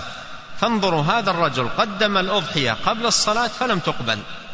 مع أنه قدمها لغرض حسن ومقصد طيب فلم تقبل منه. فكيف بمن يأتي بأعمال أصلا لا, لا أساس لها في هدي النبي الكريم صلوات الله وسلامه عليه ويقول إني لم أفعل ذلك إلا من أجل محبته. نقول له إن محبة النبي صلى الله عليه وسلم لا بد أن تكون مظاهرها مظاهر شرعية صحيحة ثابتة عن النبي صلى الله عليه وسلم وعن صحابته الكرام Janganlah seseorang kata beliau beralasan melakukan suatu perkara yang diada-adakan dengan mengatakan bahwa ia untuk mencintai Nabi Shallallahu Alaihi Wasallam. Sebatas niat yang baik, haruslah niat yang baik dan tujuan yang baik kata beliau harus disertai dengan mengikuti sunnah Nabi Shallallahu Alaihi Wasallam. Oleh karena itu di dalam athar yang masyhur dari Ibnu Mas'ud, beliau berkata apa? Berapa banyak orang yang menginginkan kebaikan akan tetapi ia tidak mendapatkannya karena tidak sesuai dengan sunnah Nabi Shallallahu Alaihi Wasallam. Seorang hamba hendaklah mengikatkan dirinya dengan tali dari dengan tali sunnah dan berpegang kepadanya dan jangan sekali-kali ia membiasakan suatu perbuatan yang tidak sesuai dengan sunnah dengan alasan bahwa ia lakukan itu sebagai cinta dia kepada Nabi sallallahu alaihi wasallam. Dan di antara yang menjelaskan itu juga adalah kisah seorang sahabat yang menyembelih hewan kurbannya sebelum ia sholat Idul Adha. Tentunya ia menyembelih hewan kurbannya tersebut bukan karena niat yang buruk. Pasti niatnya baik sekali. Pasti tujuannya bagus sekali akan tetapi karena itu tidak sesuai dengan sunnah Rasulullah. Apa kata Rasulullah? Syatuka syatu lahmin. Sembelihanmu itu sembelihan daging biasa, bukan udhiyah, bukan korban sama sekali. Maka Rasulullah Shallallahu Alaihi Wasallam seakan di sini mengingatkannya bahwasanya jika kamu menginginkan sesuai dengan sunnah, kalau kamu mau menyembelih sesuai dengan syariat, seakan-akan beliau mengatakan ikuti sunnah Rasulullah sembelihlah sesuai dengan apa yang disunnahkan oleh Rasulullah sallallahu alaihi wasallam yaitu menyembelih hewan kurban tersebut setelah sholat ya Idul Adha. Lihatlah bagaimana sahabat ini melakukan suatu perbuatan yang dia niatnya baik. Niatnya baik, tujuannya baik, akan tetapi perbuatannya tidak sesuai dengan sunnah Rasul. Padahal berkurban itu atau udhiyah itu ada syariatnya dalam agama. Udhiyah itu ada syariatnya dalam agama, tapi ketika dilakukan tidak sesuai dengan perbuatan Rasulullah, ternyata ditolak. Bagaimana apabila perbuatan itu tidak ada asalnya sama sekali? Maka dari itu, ya kata beliau, janganlah seseorang berkata begini, ya, Aku tidak melakukan ini kecuali karena aku ya ingin mencintai Nabi Shallallahu Alaihi Wasallam. Aku melakukan perbuatan-perbuatan ini semuanya dalam rangka mencintai Nabi Shallallahu Alaihi Wasallam. Maka kami berkata kepadanya, ya cintamu kepada Nabi Shallallahu Alaihi Wasallam memang bagus, tapi ingat, kamu pun harus sesuai dengan syariat Rasulullah Sallallahu Alaihi Wasallam bukan sebatas cinta akan tetapi harus direalisasikan dengan kesesuaian diri atau ibadah kita dengan ajaran Rasulullah sallallahu alaihi wasallam. خلاصة المقال أننا نريد أن نكون في طريقتنا ونهجنا في حبنا لنبينا صلى الله عليه وسلم كطريقه ابي بكر وعمر وعثمان وعلي وسائر الصحابة أجمعين. تلك الطريقة المثلى والنهج الأتم في محبة النبي الكريم صلوات الله وسلامه عليه بعيدا عن الغلو وبعيدا عن الجفاء. تلك الطريقة المباركة التي كان عليها الصحابة الكرام رضي الله عنهم وأرضاهم. وإذا نظر الناظر إلى أحوال بعض الناس وجد أنهم يمارسون أمورا وأعمالا ليس لها أصل في هدي النبي صلى الله عليه وسلم ولا في نهج صحابته الكرام رضي الله عنهم وأرضاهم. فيتساءل لم يعمل هؤلاء هذه الأعمال؟ والصحابة رضي الله عنهم لم يعملوها. لما يعمل هذه الأعمال؟ والصحابة لم يعملوها. أيريد لنفسه محبة أعظم من محبة الصحابة؟ لن يكون. فالصحابة هم أعظم الناس محبة للنبي صلى الله عليه وسلم. وإذا تساءل أيضا لماذا الصحابة رضي الله عنهم لم يفعلوا هذه الأشياء ولم يقوموا بها؟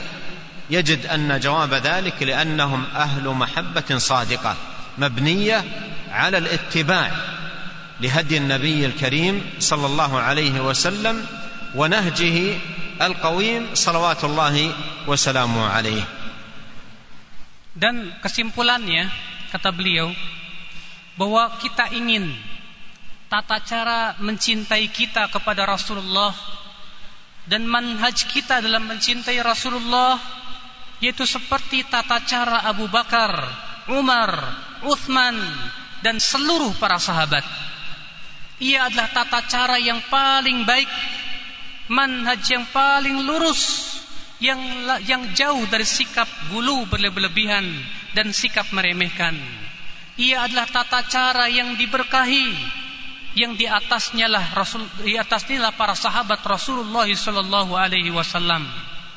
Lihatlah oleh kita bagaimana keadaan sebagian manusia di zaman ini mereka melakukan perbuatan-perbuatan yang tidak ada asalnya dari syariat dan tidak ada asalnya dari petunjuk Nabi. Tidak pula dari petunjuk para sahabat Rasulullah sallallahu alaihi wasallam. Dan ketika ada orang bertanya kenapa kamu melakukan perbuatan sementara para sahabat tidak melakukannya? Maka apakah kamu hendak mengklaim bahwa kamu lebih mencintai Rasulullah daripada para sahabat? Bahwasanya kamu lebih cinta kepada Rasulullah daripada cintanya para sahabat kepada Rasulullah kenapa para sahabat tidak mengamalkan perbuatan itu? Jawabannya hanya satu. Karena para sahabat adalah orang yang cintanya kepada Nabi SAW dengan cinta yang benar. Cinta yang disertai dengan ittiba mengikuti sunnah Rasulullah wasallam. Bukan sebatas cinta tapi kemudian ia melakukan sesuatu yang tidak sesuai dengan sunnah Nabi sallallahu alaihi wasallam. اللهم أنا نسالك حبك وحب من يحبك وحب العمل الذي يقربنا إلى حبك اللهم اصلح لنا ديننا الذي هو عصمه امرنا واصلح لنا دنيانا التي فيها معاشنا واصلح لنا اخرتنا التي فيها معادنا واجعل الحياة زيادة لنا في كل خير والموت راحة لنا من كل شر. اللهم آت نفوسنا تقواها زكها أنت خير من زكاها أنت وليها ومولاها. ربنا اغفر لنا ولإخواننا الذين سبقونا بالإيمان ولا تجعل في قلوبنا غلا للذين آمنوا. ربنا إنك رؤوف رحيم. ربنا آتنا في الدنيا حسنة وفي الآخرة حسنة وقنا عذاب النار. اللهم وأصلح لنا شأننا كله ولا تكلنا إلى أنفسنا طرفة عين. اللهم زينا بزينة الإيمان واجعلنا هداة مهتدين غير ضالين ولا مضلين. وآخر دعوانا أن الحمد لله رب العالمين. صلى الله وسلم وبارك وانعم على عبده ورسوله نبينا محمد واله وصحبه اجمعين Kemudian beliau menutup pertemuan kita ini, menutup kajian ini dengan doa beliau. Ya Allah, aku memohon kepada Engkau untuk bisa mencintaimu. Mencintai orang-orang yang mencintaimu dan mencintai amalan yang bisa mendekatkan diriku kepada cintamu. Ya Allah, perbaikilah untuk kami agama kami. Yang merupakan ismatu amrina yaitu perlindungan urusan kami. Dan perbaikilah dunia kami yang merupakan kebaikan akhirat kami. Dan jadikanlah kehidupan kami sebagai tambahan untuk kebaikan. Dan jadikan kematian itu sebagai peristirahatan dari ya berbagai macam keburukan. Ya Allah berikan kepada jiwa kami ketakwaannya ya Allah ampunilah dosa-dosa kami dan saudara-saudara kami yang telah mendahului kami dengan keimanan. Dan jangan engkau jadikan dalam hati kami rasa dengki kepada mereka. Ya Allah berikan kepada kami di dunia kebaikan dan di akhirat pun kebaikan. Ya Allah perbaikan perbaikilah urusan kami dan jangan engkau berikan kepada kami atau serahkan kepada kami sekejap mata pun juga. Ya Allah berikan kepada kami tambahan iman dan jadikan kami sebagai orang-orang yang memberikan hidayah kepada manusia dan akhir seruan kami adalah mengucapkan alhamdulillahi rabbil alamin أشكر فضيلة الشيخ على ما قدم من النصائح الطيبة وتوجيهاته القيمة ونسأل الله سبحانه وتعالى أن ينفعنا به وأن يجعله في ميزان حسناته يوم يلقاه innahu waliyu dzalika wal qadir alaih kita ucapkan syukran wa jazakallahu khairan kepada fadilatul syekh atas nasihat yang beliau sampaikan kita memohon kepada Allah Subhanahu wa taala agar kita dapat mengambil manfaat dan faidah dari apa yang disampaikan dan menjadikannya sebagai panduan dalam kehidupan kita sehari-hari. Dan kita memohon kepada Allah Subhanahu wa taala agar hal ini dimasukkan oleh Allah Subhanahu wa taala ke dalam timbangan amal kebaikan fadilatul syekh pada hari kiamat kelak. Wal an naftah al majal lil as'ila wal istifsarat min ba'dhi al ikhwa wal akhwat al hadirin wal hadirat. Sekarang kita akan buka pertanyaan dari beberapa ikhwan dan akhwat yang sudah sampai ke kami dan begitu banyaknya Sebelumnya kami mohon maaf jika tidak semua soal-soal yang datang kepada kami bisa dibacakan dan disampaikan kepada Syekh. Mudah-mudahan Allah Subhanahu wa taala memberikan kemudahan, memberikan kesempatan di waktu yang lain agar bisa disampaikan. As-su'alul awwal يقول السائل لا يخفى علينا فضل الصلاة والسلام على النبي صلى الله عليه وسلم. لكن ما هي الصلوات المشروعة الثابتة عن النبي صلى الله عليه وسلم؟ الصحابة رضي الله عنهم قالوا للنبي صلى الله عليه وسلم عرفنا كيف نسلم عليك. فكيف نصلي عليك؟ قال تقولون اللهم صل على محمد وعلى آل محمد كما صليت على إبراهيم وعلى آل إبراهيم إنك حميد مجيد. وبارك على محمد وعلى آل محمد كما باركت على إبراهيم وعلى آل إبراهيم إنك حميد مجيد. فهو صلوات الله وسلامه عليه علم أمته كيف يصلون عليه. فلا يحتاجون بعده إلى أن يعلمهم أحد صيغة أو اسلوبا أو طريقة في الصلاة والسلام عليه صلى الله عليه وسلم لأنه بين ذلك البيان الأوفى فهو صلى الله عليه وسلم ما ترك خيرا إلا دل الأمة عليه ولا شرا إلا حذرها منه. وينبغي على المسلم في هذا المقام أن يحذر من الصلوات المحدثه التي تكلفها بعض الناس واخترعها بعض المتكلفين وشغلوا الناس بها عن الصلاه الماثوره عن نبينا صلى الله عليه وسلم Para sahabat dahulu pernah berkata kepada Rasulullah Shallallahu Alaihi Wasallam. Jadi ada pertanyaan, ya Ustaz, eh, wahai Syekh, ada pertanyaan, ya, wahai Syekh, bagaimana tentang salawat-salawat yang sesuai dengan syariat dan bagaimana tata cara mengucapkannya? Maka beliau menjawab, para sahabat pernah berkata kepada Rasulullah Shallallahu Alaihi Wasallam, Wahai Rasulullah, kami telah mengenal bagaimana tata cara mengucapkan salam kepada kepada engkau. Lalu bagaimana kami bersalawat kepada engkau wahai Rasulullah? Maka Rasulullah bersabda, ucapkan Allahumma salli ala Muhammad. Ya Allah bersalawatlah kepada Muhammad wa ala ali Muhammad dan kepada keluarga Muhammad kama sallaita ala Ibrahim. Sebagaimana engkau bersalawat kepada Ibrahim wa ala ali Ibrahim dan kepada keluarga Ibrahim innaka Hamidum Majid. Sesungguhnya engkau maha terpuji lagi maha mulia. Allahumma barik ala Muhammad. Ya Allah berkahilah keluarga berkahilah Nabi Muhammad wa ala ali Muhammad dan kepada keluarga Muhammad sallallahu alaihi wasallam. Kama barakta ala Ibrahim sebagaimana engkau memberkahi kepada Nabi Ibrahim wa ala ali Ibrahim dan kepada keluarga Nabi Ibrahim innaka hamidum majid. Sesungguhnya engkau maha terpuji lagi maha mulia. Maka di sini Nabi Shallallahu alaihi wasallam sudah menjelaskan kepada umatnya tentang tata cara salawat yang benar sehingga umat Islam tidak butuh kepada salawat-salawat yang lainnya yang tidak diajarkan oleh Nabi Sallallahu Alaihi Wasallam.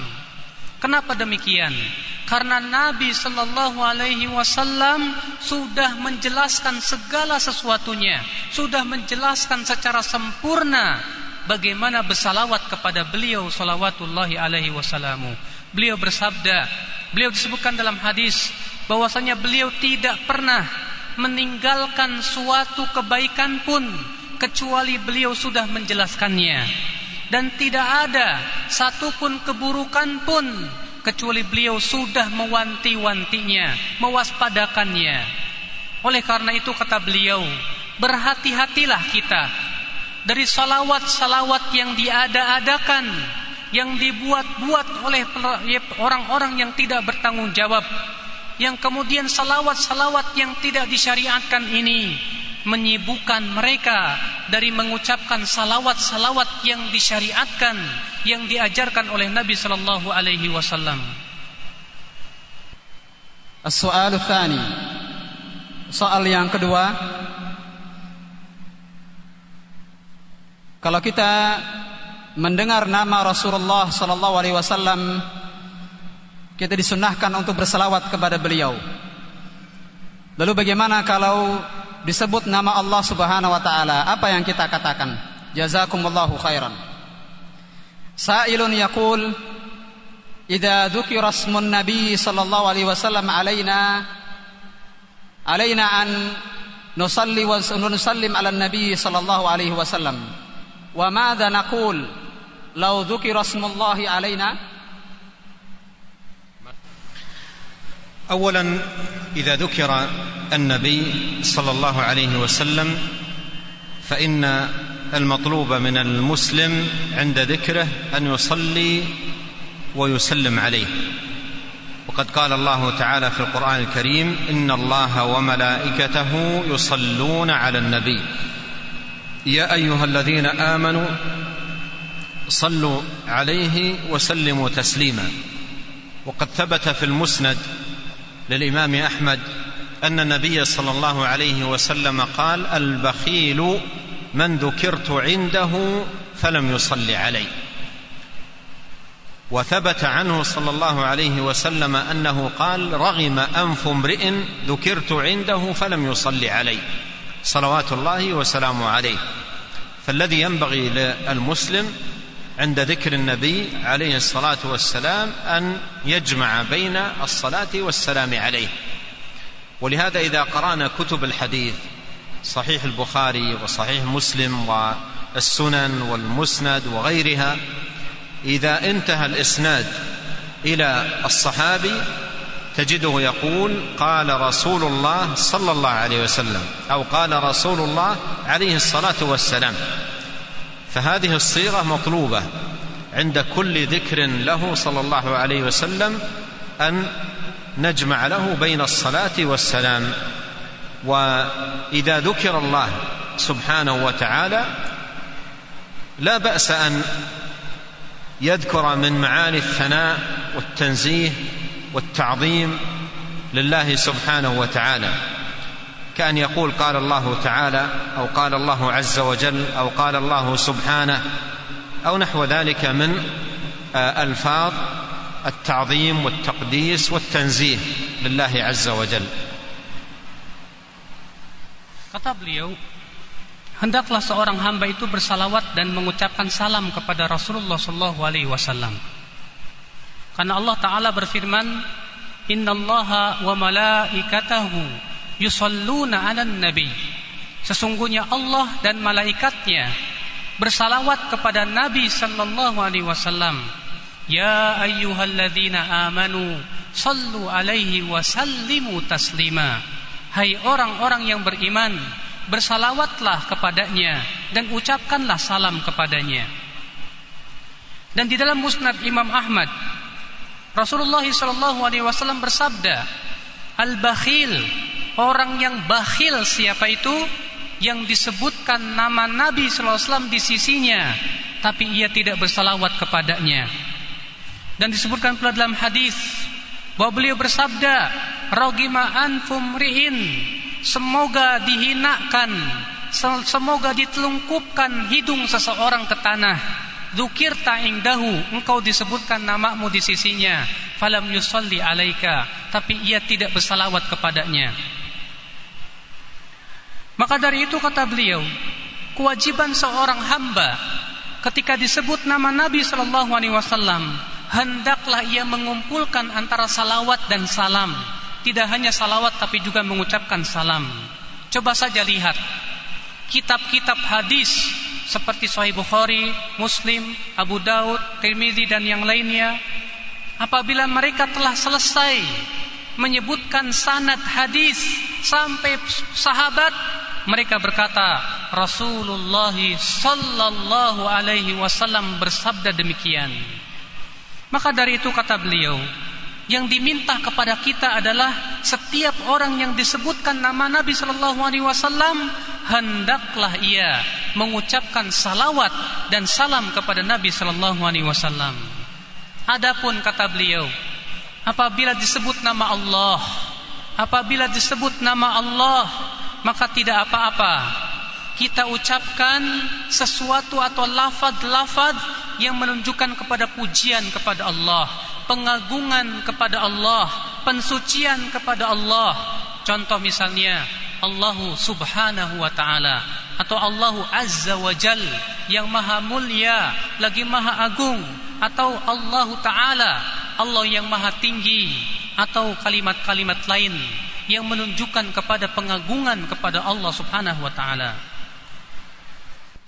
Soal yang berikutnya Ada seseorang bertanya dengan pertanyaan yang sangat panjang Saya adalah mantan pendeta Nasrani di pedalaman Kalimantan.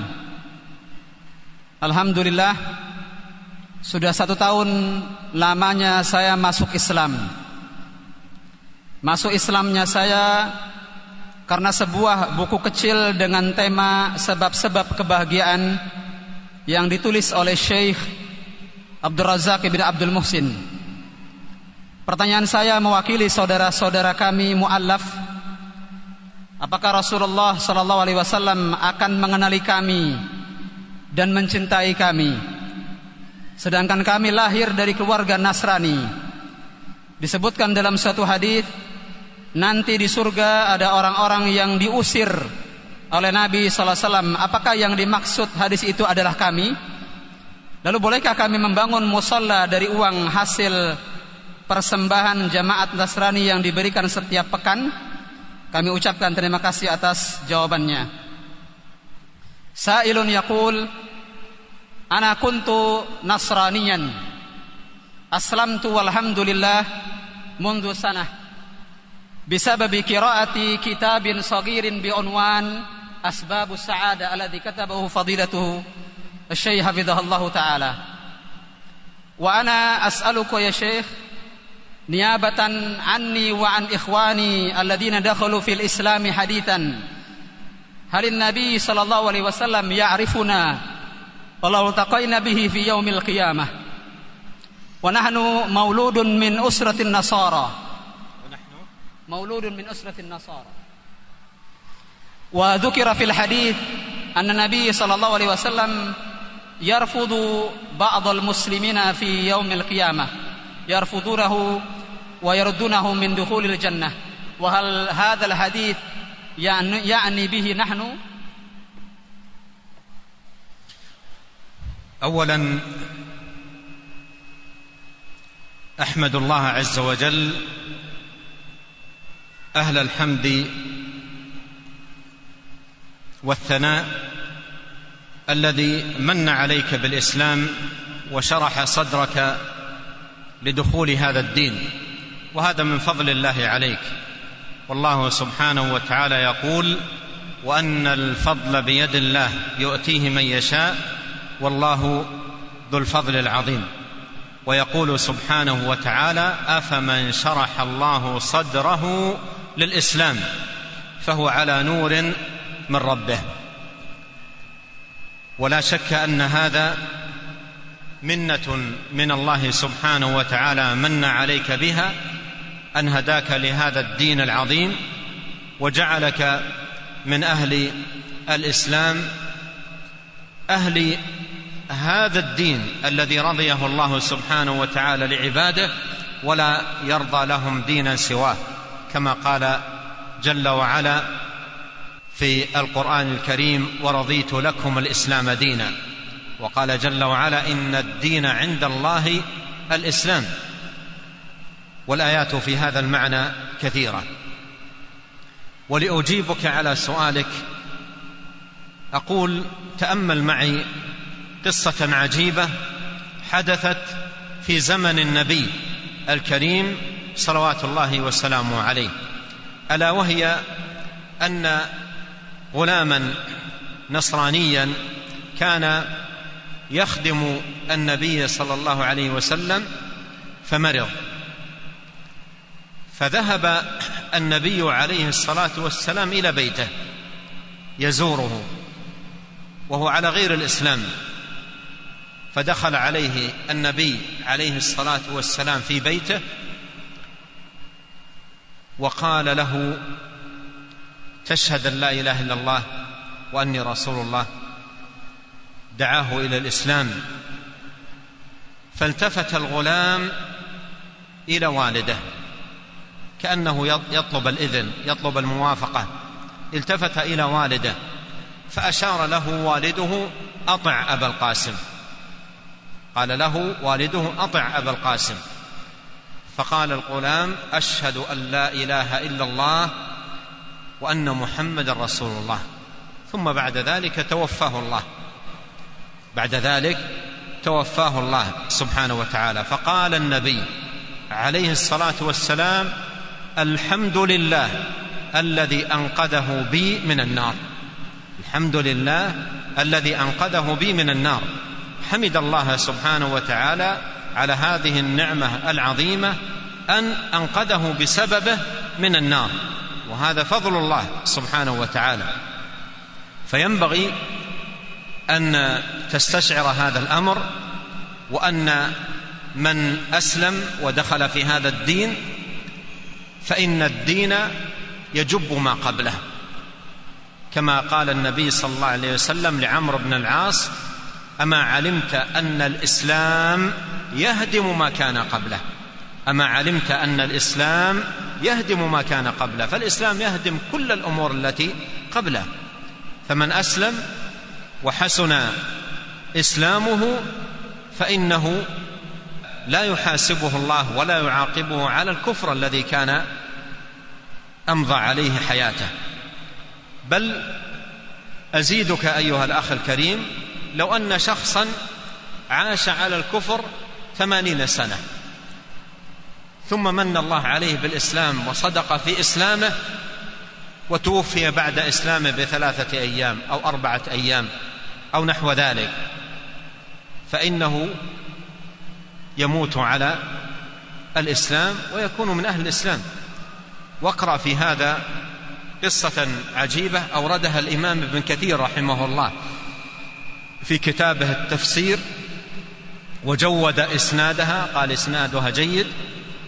عن ابن عباس رضي الله عنه في تفسير سورة الأنعام قول الله تعالى الذين آمنوا ولم يلبسوا إيمانهم بظلم أولئك لهم الأمن وهم مهتدون. وهي قصة رجل جاء إلى النبي عليه الصلاة والسلام وكان الرجل راكبا على ناقته فلما وصل إلى النبي صلى الله عليه وسلم طلب منه أن يعلمه الإسلام وأن يعلمه مما علمه الله. فقال له النبي صلى الله عليه وسلم تشهد أن لا إله إلا الله وأني رسول الله وتقيم الصلاة وتؤتي الزكاة وتصوم رمضان وتحج البيت الحرام. قال الرجل وهو فوق الناقة أقررت. قال الرجل وهو فوق ناقته أقررت. بعد أن قال هذه الكلمة دخلت رجل ناقته في حفرة جرذان فسقط الرجل بعد كلمة أقررت سقط من فوق الناقة على عنقه ومات. حياته كلها كفر. لم يكن له في الإسلام إلا هذه اللحظة في آخر حياته وهي كلمة أقررت ثم سقط على عنقه ومات. فقال النبي صلى الله عليه وسلم من أراد أن ينظر إلى الذين آمنوا ولم يلبسوا إيمانهم بظلم فلينظر إلى هذا. وفي رواية أنه قال من أراد أن ينظر إلى الذين عملوا قليلا وأجروا كثيرا فلينظر إلى هذا. وفي رواية أيضا أنه قال رأيت الملائكة تدس الفاكهة في فيه. مات جائعا. قال رأيت الملائكة تدس الفاكهة في فيه. فالشاهد أن الإنسان إذا شرح الله صدره للإسلام ووفقه له فالإسلام يهدم ما كان قبله والعبرة بالخواتيم. كما قال عليه الصلاة والسلام إن أحدكم ليعمل بعمل أهل النار حتى ما يكون بينه وبينها إلا ذراع فيسبق عليه الكتاب فيعمل بعمل أهل الجنة فيدخلها. وأعود إلى ما بدأت به وهو حمد الله عز وجل والثناء عليه بما هو أهله أن يسر لك الهداية لهذا الدين وشرح صدرك للدخول في الإسلام. وأسأل الله سبحانه وتعالى أن يثبتنا وإياك والسامعين بالقول الثابت في الحياة الدنيا وفي الآخرة وان يعيذنا من الضلال. ربنا لا تزغ قلوبنا بعد إذ هديتنا وهب لنا من لدنك رحمة إنك أنت الوهاب. Beliau berkata, Aku memuji Allah subhanahu wa ta'ala. Dia adalah merupakan ahli pujian, ahli sanjungan yang telah memberikan nikmat kepada engkau dengan Islam yang telah melapangkan dadamu untuk masuk ke dalam agama yang diridhoi olehnya. Dan sesungguhnya keutamaan itu semuanya di tangan Allah di mana Allah memberikan kepada siapa yang Allah kehendaki dari hamba-hambanya. Dan Allah juga berfirman afaman syarahallahu sadrahu lil islam? Apakah orang yang Allah lapangkan dadanya untuk Islam dan ia berada di atas cahaya di Robnya. Maka itu adalah merupakan pemberian dari Allah Subhanahu wa taala di mana Allah memberikan kepada engkau hidayah. Allah telah menjadikan engkau sebagai orang Islam yang telah memberikan hidayah kepada engkau kepada agama yang Allah ridhai di mana tidak ada agama yang Allah ridhai kecuali agama ini Allah Ta'ala berfirman Waraditu lakumul islam madina. Dan aku ridha Islam untuk kalian sebagai agama. Allah juga berfirman Inna dina indallahil islam. Sesungguhnya agama di sisi Allah hanyalah Islam. Perhatikan kata beliau Sebuah kisah yang ajaib Yang terjadi di zaman Nabi Sallallahu Alaihi Wasallam. Ada seorang pemuda Nasrani yang ia suka membantu Nabi Shallallahu Alaihi Wasallam. Lalu ia pun sakit. Lalu Nabi Shallallahu Alaihi Wasallam pun pergi kepada ke rumah pemuda itu untuk menjenguk menjenguknya. Lalu Nabi Shallallahu Alaihi Wasallam masuk kepadanya. Lalu beliau bersabda, maukah engkau bersyahadat la ilaha illallah dan bahwasanya aku adalah Rasulullah? Lalu pemuda itu menengokkan kepalanya kepada ayahnya seakan-akan ia minta izin. Lalu ayahnya ber berkata, "Taatilah Abul Qasim yaitu Rasulullah sallallahu alaihi wasallam." Lalu si pemuda ini berucap, "Asyhadu an la ilaha illallah wa anna Muhammadar Rasulullah." Kemudian setelah itu tak lama kemudian si pemuda itu pun meninggal dunia. Maka Nabi Shallallahu Alaihi Wasallam bersabda, segala puji bagi Allah yang telah menyelamatkan dia denganku dari api neraka. Rasulullah memuji Allah dengan atas nikmat yang begitu agung ini, di mana si pemuda tadi diselamatkan oleh Allah melalui beliau dari api neraka. Dan hendaklah orang yang masuk Islam tadi merasakan hal ini. Karena sesungguhnya agama kita sebagaimana disebutkan dalam hadis itu mengampuni dosa-dosa yang telah lalu. Beliau bersabda, Rasulullah bersabda kepada Abdullah bin Amr, kepada Amr bin Al-As, "Ama alimta annal Islam yahdimu ma qablahu?" Tidakkah kamu tahu hai Amr bahwasanya Islam itu menghancurkan dosa-dosa sebelum sebelum Islam. Islam Islam adalah merupakan siapa saja yang masuk Islam kata beliau. Dan betul-betul baik keislamannya maka Allah tidak akan menghisap kekufuran yang dahulu ia lakukan. Akan tetapi Rasulullah sallallahu alaihi wasallam telah mengabarkan bahwa orang yang masuk Islam orang yang telah masuk Islam kata Rasulullah maka akan diampuni dosa-dosanya yang telah lalu sebelum ia masuk Islam apabila Islamnya baik. Kata beliau, kalau ada orang yang hidupnya selama 80 tahun di atas kekafiran, kemudian dia masuk Islam, kemudian tak lama kemudian barangkali tiga hari atau empat hari setelah itu dia masuk Islam, Kemudian dia masuk Islam. Setelah itu tak lama kemudian beberapa hari ia meninggal dunia. Maka Allah tetap akan mengampuni dosanya. Allah akan memasukkan ia ke dalam surganya. Ia mati di atas Islam. Dengarkan kata beliau, sebuah kisah yang ajaib juga yang lainnya. Yang disebutkan dalam sebuah kitab tafsir. Dalam tafsir Imam Al-Qurtubi dari Ibnu Abbas ketika firman Allah, ketika menafsirkan firman Allah, alladzina amanu walam yalbisu imanahum bidzulmin ulaika lahumul amnu wa hum muhtadun dan orang-orang yang beriman dan tidak mencampur adukan keimanan mereka dengan kesyirikan mereka itulah orang-orang yang mendapatkan keamanan dan mereka mendapatkan hidayah disebutkan dalam kitab tersebut kisah seorang laki-laki yang datang kepada Rasulullah dalam keadaan ia menunggang unta. Lalu kemudian orang itu ia meminta kepada Rasulullah untuk diajarkan tentang Islam. Maka Rasulullah bersabda, yaitu engkau bersyahadat la ilaha illallah Muhammadur Rasulullah, mendirikan solat, membayar zakat, kemudian berpuasa Ramadan dan berhaji ke Baitullah. Lalu orang ini berkata, "Aku setuju ya Allah, ya wahai Rasulullah. Aku mengakuinya wahai Rasulullah. Aku menetapkannya wahai Rasulullah." Apa yang terjadi? Setelah mengucapkan perkataan tadi, "Aqrartu ya Rasulullah." Aku menyetujuinya ya Rasulullah, aku menetapkannya ya Rasulullah. Tiba-tiba kaki unta itu masuk ke dalam tanah dan ia pun jatuh dan meninggal dunia. Ia jatuh seketika dan meninggal dunia. Maka Rasulullah SAW bersabda, siapa yang ingin melihat kepada orang-orang yang beriman dan tidak dicampuri keimanannya dengan kesyirikan, dengan kezaliman, maka lihatlah kepada orang ini.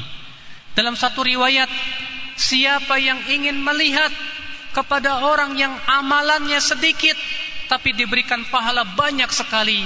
Lihat kepada orang ini. Dalam satu riwayat yang lain, kata Rasulullah, sungguh aku melihat malaikat berusaha memasukkan buah-buahan ke dalam mulutnya. Maka kata Rasulullah, kata beliau, Pujilah Allah Subhanahu wa taala yang telah memberikan kepada kamu apa namanya? ya Islam karena sesungguhnya seseorang itu kata beliau disesuaikan dengan akhir hayatnya. Kalau akhir hayatnya di atas Islam, maka ia adalah muslim. Tapi kalau akhir hayatnya bukan Islam, maka ia bukan muslim. Sebagaimana sabda Rasulullah, "Inna ahadakum la ya'malu bi amali ahli jannah." Sesungguhnya salah seorang dari kalian ada yang beramal selama hidupnya dengan amalan penduduk surga tapi kemudian takdir menentukan lain. Ia pun di akhir hayatnya beramal dengan amalan penduduk api neraka. Ia pun masuk ke dalam api neraka. Dan sesungguhnya kata Rasulullah, di antara kalian ada yang selama hidupnya beramal dengan amalan penduduk api neraka. Lalu takdir menentukan lain. Ia pun beramal dengan penduduk amalan ahli penduduk surga di akhir hayatnya. Kemudian Allah pun masukkan ia ke dalam surga. Kembali kepada permasalahan yang pertama, yaitu hendaklah engkau memuji Allah Subhanahu wa taala yang telah memudahkan kepada engkau untuk mendapatkan hidayah ke dalam agama yang mulia ini. Maka kata beliau, ya beliau mendoakan agar orang tersebut diberikan kekuatan dan diberikan istiqomah di atas agama yang hak ini. Beliau berkata, ya agar Allah Subhanahu wa taala memberikan ke kepada kita kekuatan kepada kita dan kepada engkau dengan perkataan yang kokoh di dunia dan akhirat Rabbana la tuzigh qulubana wahai Rabb kami jangan engkau condongkan hati kami kepada kesesatan setelah engkau berikan hidayah kepada kami واما الحديث الذي سال عنه اخونا السائل الكريم وهو ان اناسا يذادون عن الحوض يوم القيامه وأنه يخشى أن يكون من أول حياته على غير الإسلام يناله هذا الحديث. والجواب أن الحديث جاء مفسرا عن النبي صلى الله عليه وسلم حيث قال إن اناسا يؤخذ بهم ذات الشمال فأقول أصحابي أصحابي فيقال إنك لا تدري ماذا أحدثوا بعدك لم يزالوا مرتدين على أعقابهم منذ فارقتهم. فأقول سحقا سحقا بعدا بعدا. فالحديث إنما يتناول من كان مسلما ثم ارتد عن الإسلام. ثم ارتد عن الإسلام. أما من كان غير مسلم فأسلم فهذا رجل أنعم الله عليه ومن عليه وهداه لهذا الدين العظيم. فعليه أن يحمد الله وأن يسأل الله الثبات على هذا الدين إلى أن يتوفاه الله سبحانه وتعالى وهو عنه راض. Adapun hadis yang dipertanyakan tadi oleh orang yang baru masuk Islam tadi yaitu tentang adanya orang-orang yang akan terusir dari telaga Haud. Dan bahwasanya dia takut apakah itu dia termasuk hadis tersebut? Beliau berkata sesungguhnya hadis tersebut telah ada riwayat lain yang menjelaskan dari Nabi Shallallahu alaihi wasallam di mana beliau bersabda bahwa akan diambil dari beberapa umat Rasulullah SAW dari arah kiri. Kemudian Rasul bersabda, "Wahai sahabatku, kemarilah." Lalu dikatakan kepada Rasulullah, "Wahai Muhammad, engkau tidak mengetahui apa yang mereka ada-adakan setelah kamu. Mereka telah murtad setelah keislaman mereka." Kemudian Rasulullah bersabda, "Suhkan, suhkan." Ya semoga dijauhkan orang tersebut. Jadi hadis ini kata beliau, Maksudnya adalah orang yang tadinya Islam kemudian murtad dari agama Islam. Adapun orang yang tadinya kafir kemudian masuk ke dalam Islam tentu tidak masuk di dalam hadis tersebut.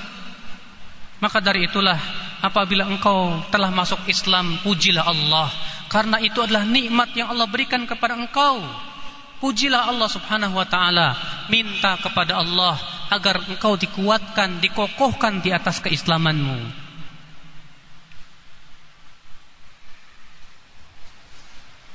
Soal yang berikutnya.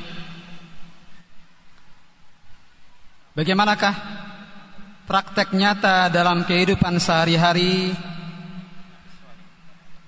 Cinta kita kepada Nabi sallallahu alaihi wasallam. Dan apa saja wasilah dan kiat-kiat agar kita tetap teguh dan selalu mencintai Rasulullah sallallahu alaihi wasallam. سؤال يقول ما هي الوسائل للثبات والمداومة على حب النبي صلى الله عليه وسلم؟ وما هو التطبيق العملي اليومي لإظهار حبنا للنبي صلى الله عليه وسلم؟ هذا سؤال عظيم جدا. ومهم للغاية. وطرح هذا السؤال أعده من التوفيق لهذا السائل. زاده الله توفيقا والسامعين. ولا شك أن الثبات على الحق على الهدى على نهج النبي الكريم على محبة النبي صلى الله عليه وسلم يتطلب من العبد أمورا عديدة حتى يكون ويتحقق له هذا الثبات. ويمكن أن ألخص ذلك في نقاط. الأول كثرة الدعاء. تسأل الله تبارك وتعالى كثيرا أن يثبتك وتستعيذ به سبحانه وتعالى من الزيغ. قال الله تعالى يثبت الله الذين آمنوا بالقول الثابت في الحياة الدنيا وفي الآخرة. وقال تعالى في دعاء أهل الإيمان ربنا لا تزغ قلوبنا بعد إذ هديتنا وهب لنا من لدنك رحمة إنك أنت الوهاب. وكان من أكثر دعاء نبينا صلى الله عليه وسلم يا مقلب القلوب ثبت قلبي على دينك. الأمر الثاني عليك بالمجاهدة لنفسك. وقد قال عليه الصلاة والسلام المجاهد من جاهد نفسه في طاعة الله. والله تبارك وتعالى يقول والذين جاهدوا فينا لنهدينهم سبلنا وإن الله لمع المحسنين. الأمر الثالث عليك بالعناية بالعلم الشرعي والعناية بسنة النبي الكريم عليه الصلاة والسلام وقراءتها وفهمها وحفظ ما تيسر منها. وقد قال صلى الله عليه وسلم نضر الله امرا سمع مقالتي فوعاها فأداها كما سمعها. الأمر الرابع عليك أن تحرص على مرافقة الأخيار ومجالسة الصالحين. وقد قال الله تعالى واصبر نفسك مع الذين يدعون ربهم بالغداة والعشي يريدون وجهه. الأمر الخامس احذر من الأبواب التي تفتح عليك منافذ للشر. فأغلق الأبواب التي تدخل عليك الشرور. وإياك أن تلقي بنفسك في وسط الوحل ثم تريد لنفسك السلامة. بل عليك أن تحرص على البعد عن أسباب الفتن. وأغلق منافذ الفتن. احذر من القنوات المضلة. احذر من الشبكة من الشبكة العنكبوتية وما فيها من مواقع مفسدة. احذر من الأماكن التي فيها فتن وفيها شرور تجنب ذلك كله. الأمر السادس تذكر أن العمر قصير وأن هذه الحياة فانية وأن الذي ينفعك يوم تلقى الله سبحانه وتعالى هو صدق الاتباع للنبي الكريم عليه الصلاة والسلام وإخلاص الدين له. الأمر السابع وهو جاء الإشارة إليه في سؤال السائل الكريم وهو البرنامج اليومي. وهذا حقيقة مهم جدا مهم جدا ويدل ويدل على فطنة السائل.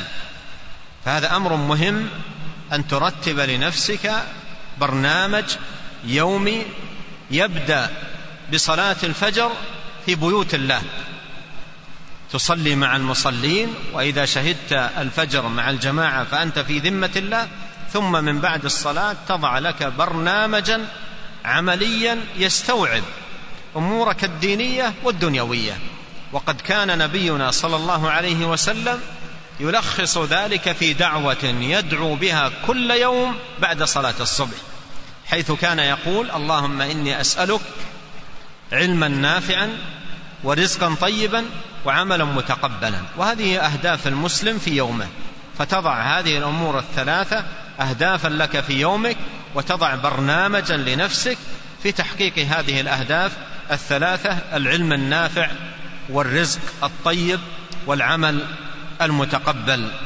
وفي ختام هذا اللقاء أسأل الله الكريم رب العرش العظيم بأسمائه الحسنى وصفاته العليا أن يتقبل منا أجمعين صالح أعمالنا وأن يغفر لنا ذنبنا كله وأن يثبتنا على الحق والهدى وأن يعيذنا من الزيغ والضلال وأن يعيذنا من الفتن ما ظهر منها وما بطن اللهم اقسم لنا من خشيتك ما يحول بيننا وبين معاصيك ومن طاعتك ما تبلغنا به جنتك ومن اليقين ما تهون به علينا مصائب الدنيا.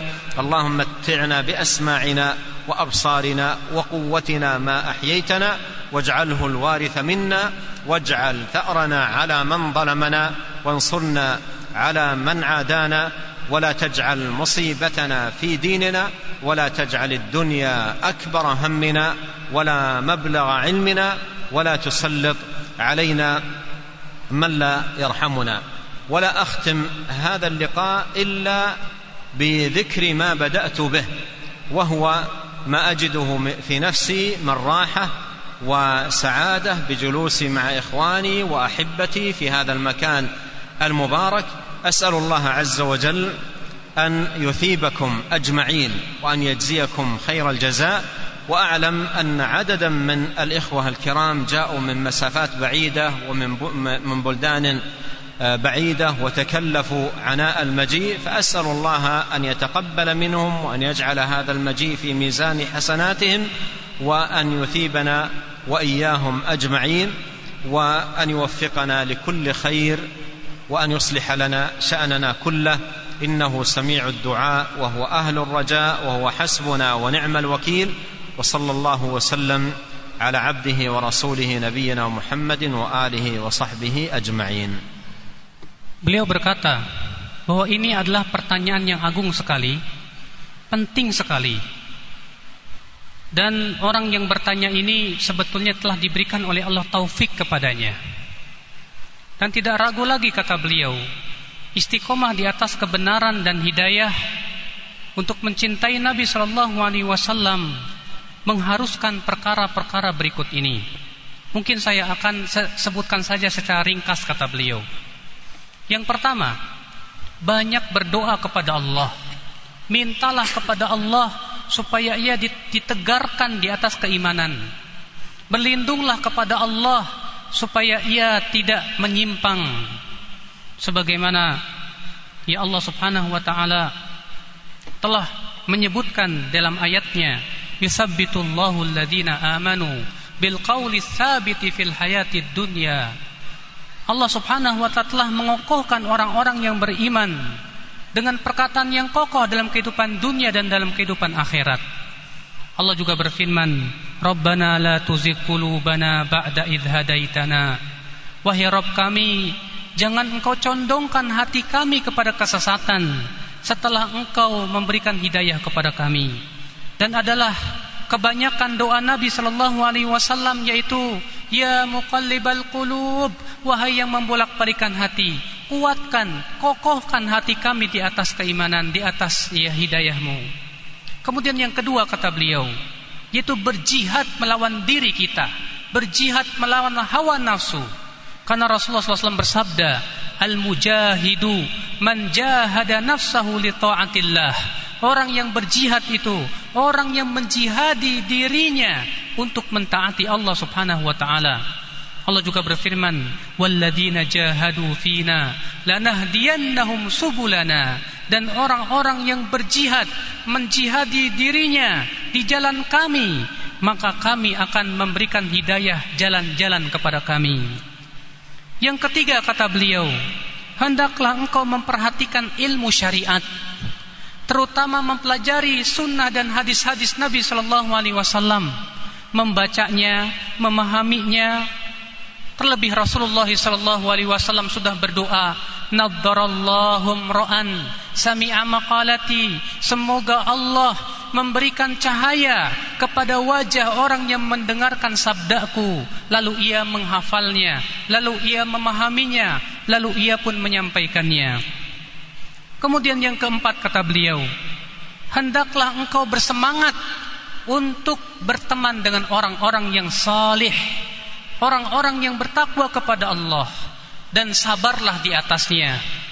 Allah berfirman, "Wasbir nafsaka ma'al ladzina yad'una rabbahum bil wal 'ashiyyi yuriduna wajhah."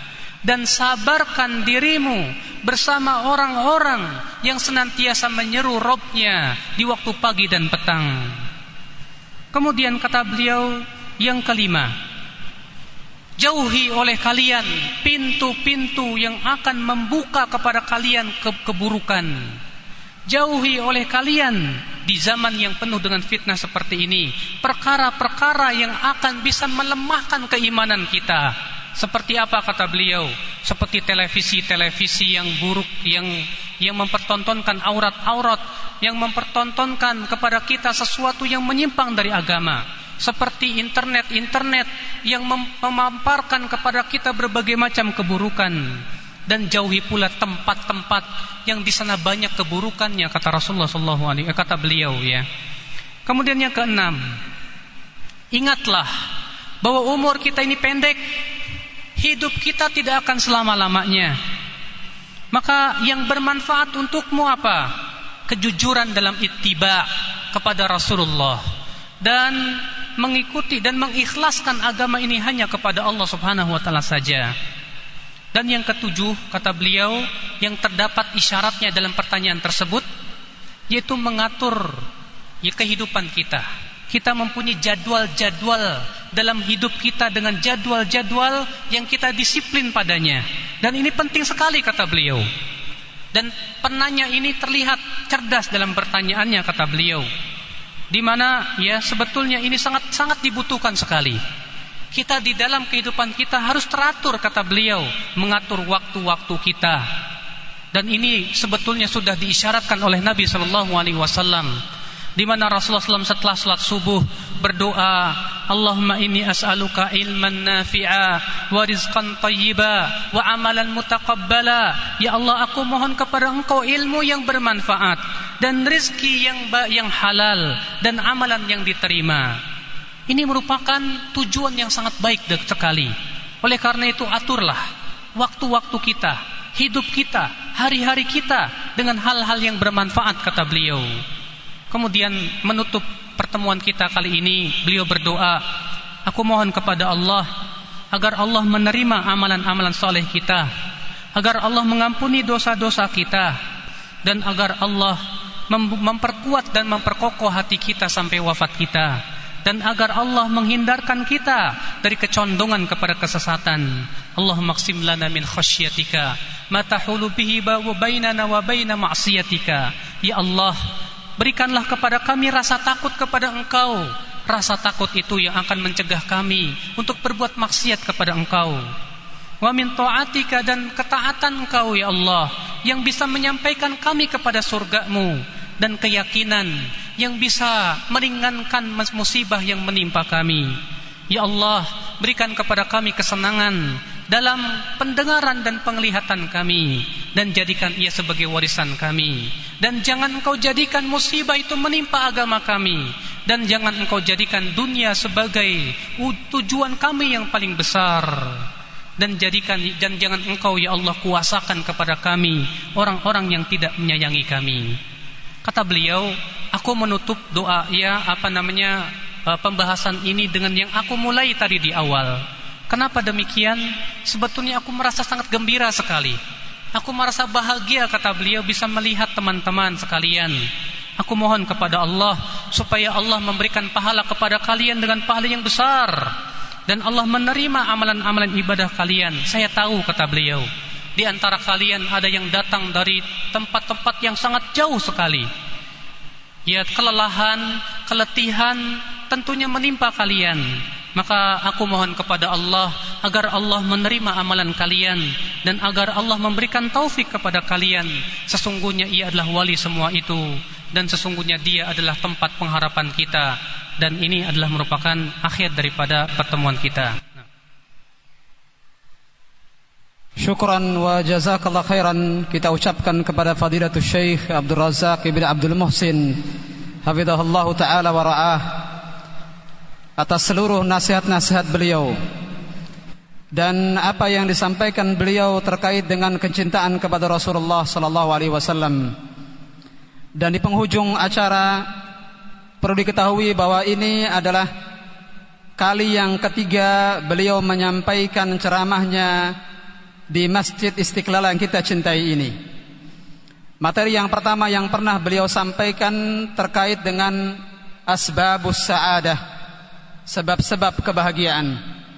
Kemudian tidak lama setelah itu beliau menyampaikan ceramahnya lagi yaitu terkait dengan mahabbatullah azza wajal, kecintaan kepada Allah azza wajal. Kemudian materi yang ketiga yang baru saja beliau sampaikan pada kesempatan pagi menjelang siang yang berbahagia ini adalah tentang mahabbatur rasuli sallallahu alaihi wasallam. Tentang kecintaan kepada Rasulullah sallallahu alaihi wasallam. Kita memohon kepada Allah Subhanahu wa taala dengan seluruh nama-nama dan sifat-sifatnya yang maha mulia, maha tinggi dan maha sempurna agar menjadikan ini semua sebagai pemberat timbangan amal kebaikan beliau kelak di hari kiamat nanti dan menjadikan apa yang beliau sampaikan bermanfaat bagi kita semua. Kemudian berangkat dari sabda Nabi sallallahu alaihi wasallam, la yashkurullah man la yashkurun nas. Tidak bersyukur kepada Allah orang yang tidak bersyukur kepada manusia. Maka pada kesempatan yang berbahagia ini kami mengucapkan syukuran wa jazakumullahu khairan kepada seluruh panitia yang telah bersusah payah dan mengerahkan seluruh daya upayanya agar bisa melaksanakan dan menyukseskan acara pada kesempatan hari ini.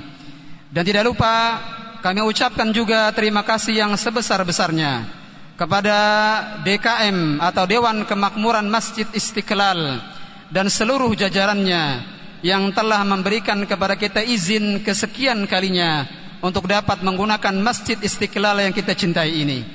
Kita memohon kepada Allah Subhanahu wa taala agar mereka semua terus diberikan barakah, diberikan hidayah dan terus istiqamah di atas hidayah dan mengumpulkan kita semua kelak di surga Allah Subhanahu wa taala. Kemudian terakhir, ma'asyiral muslimin wal muslimat, ikhwani fid din wa akhwati fillah azakumullah. Tidak lupa kami juga mengucapkan banyak terima kasih kepada seluruh ikhwan dan akhwat al-hadirin wal hadirat yang telah meluangkan waktunya hari ini mendatangi masjid yang kita cintai ini dalam rangka mendengarkan nasihat yang disampaikan oleh Syekh Abdul Razak Ibn Abdul Muhsin Habibullah Ta'ala kita memohon kepada Allah agar Allah Subhanahu Wa Ta'ala memberikan faidah dan manfaat dari apa yang kita dengar dan menjadikannya sebagai amalan kita sehari-hari dalam kehidupan dunia kita dan kita memohon kepada Allah Subhanahu Wa Ta'ala agar semua amalan soleh kita baik yang lalu, yang sekarang dan yang akan datang diterima oleh Allah Subhanahu wa taala sebagai amalan saleh. Dan terakhir, jika terdapat kelemahan, jika terdapat kekurangan-kekurangan dan hal-hal lainnya yang tidak nyaman bagi antum semua, maka kami meminta dan memohon kepada antum semua untuk membuka pintu maaf yang sebesar-besarnya atas segala kekurangan dan kelemahan yang ada pada hari ini. Kemudian kita tutup Acara kita pada hari ini dengan mengucapkan doa kafaratul majlis subhanakallah bihamdik asyhadu an la ilaha illa anta astaghfiruka wa atubu ilaik. Fassalamu alaikum warahmatullahi wabarakatuh. لا أعرف في اللغة الأندونوسية إلا كلمة واحدة. أريد أن أقولها للإخوة في الختام. تريما كاسي. السلام عليكم ورحمة الله وبركاته.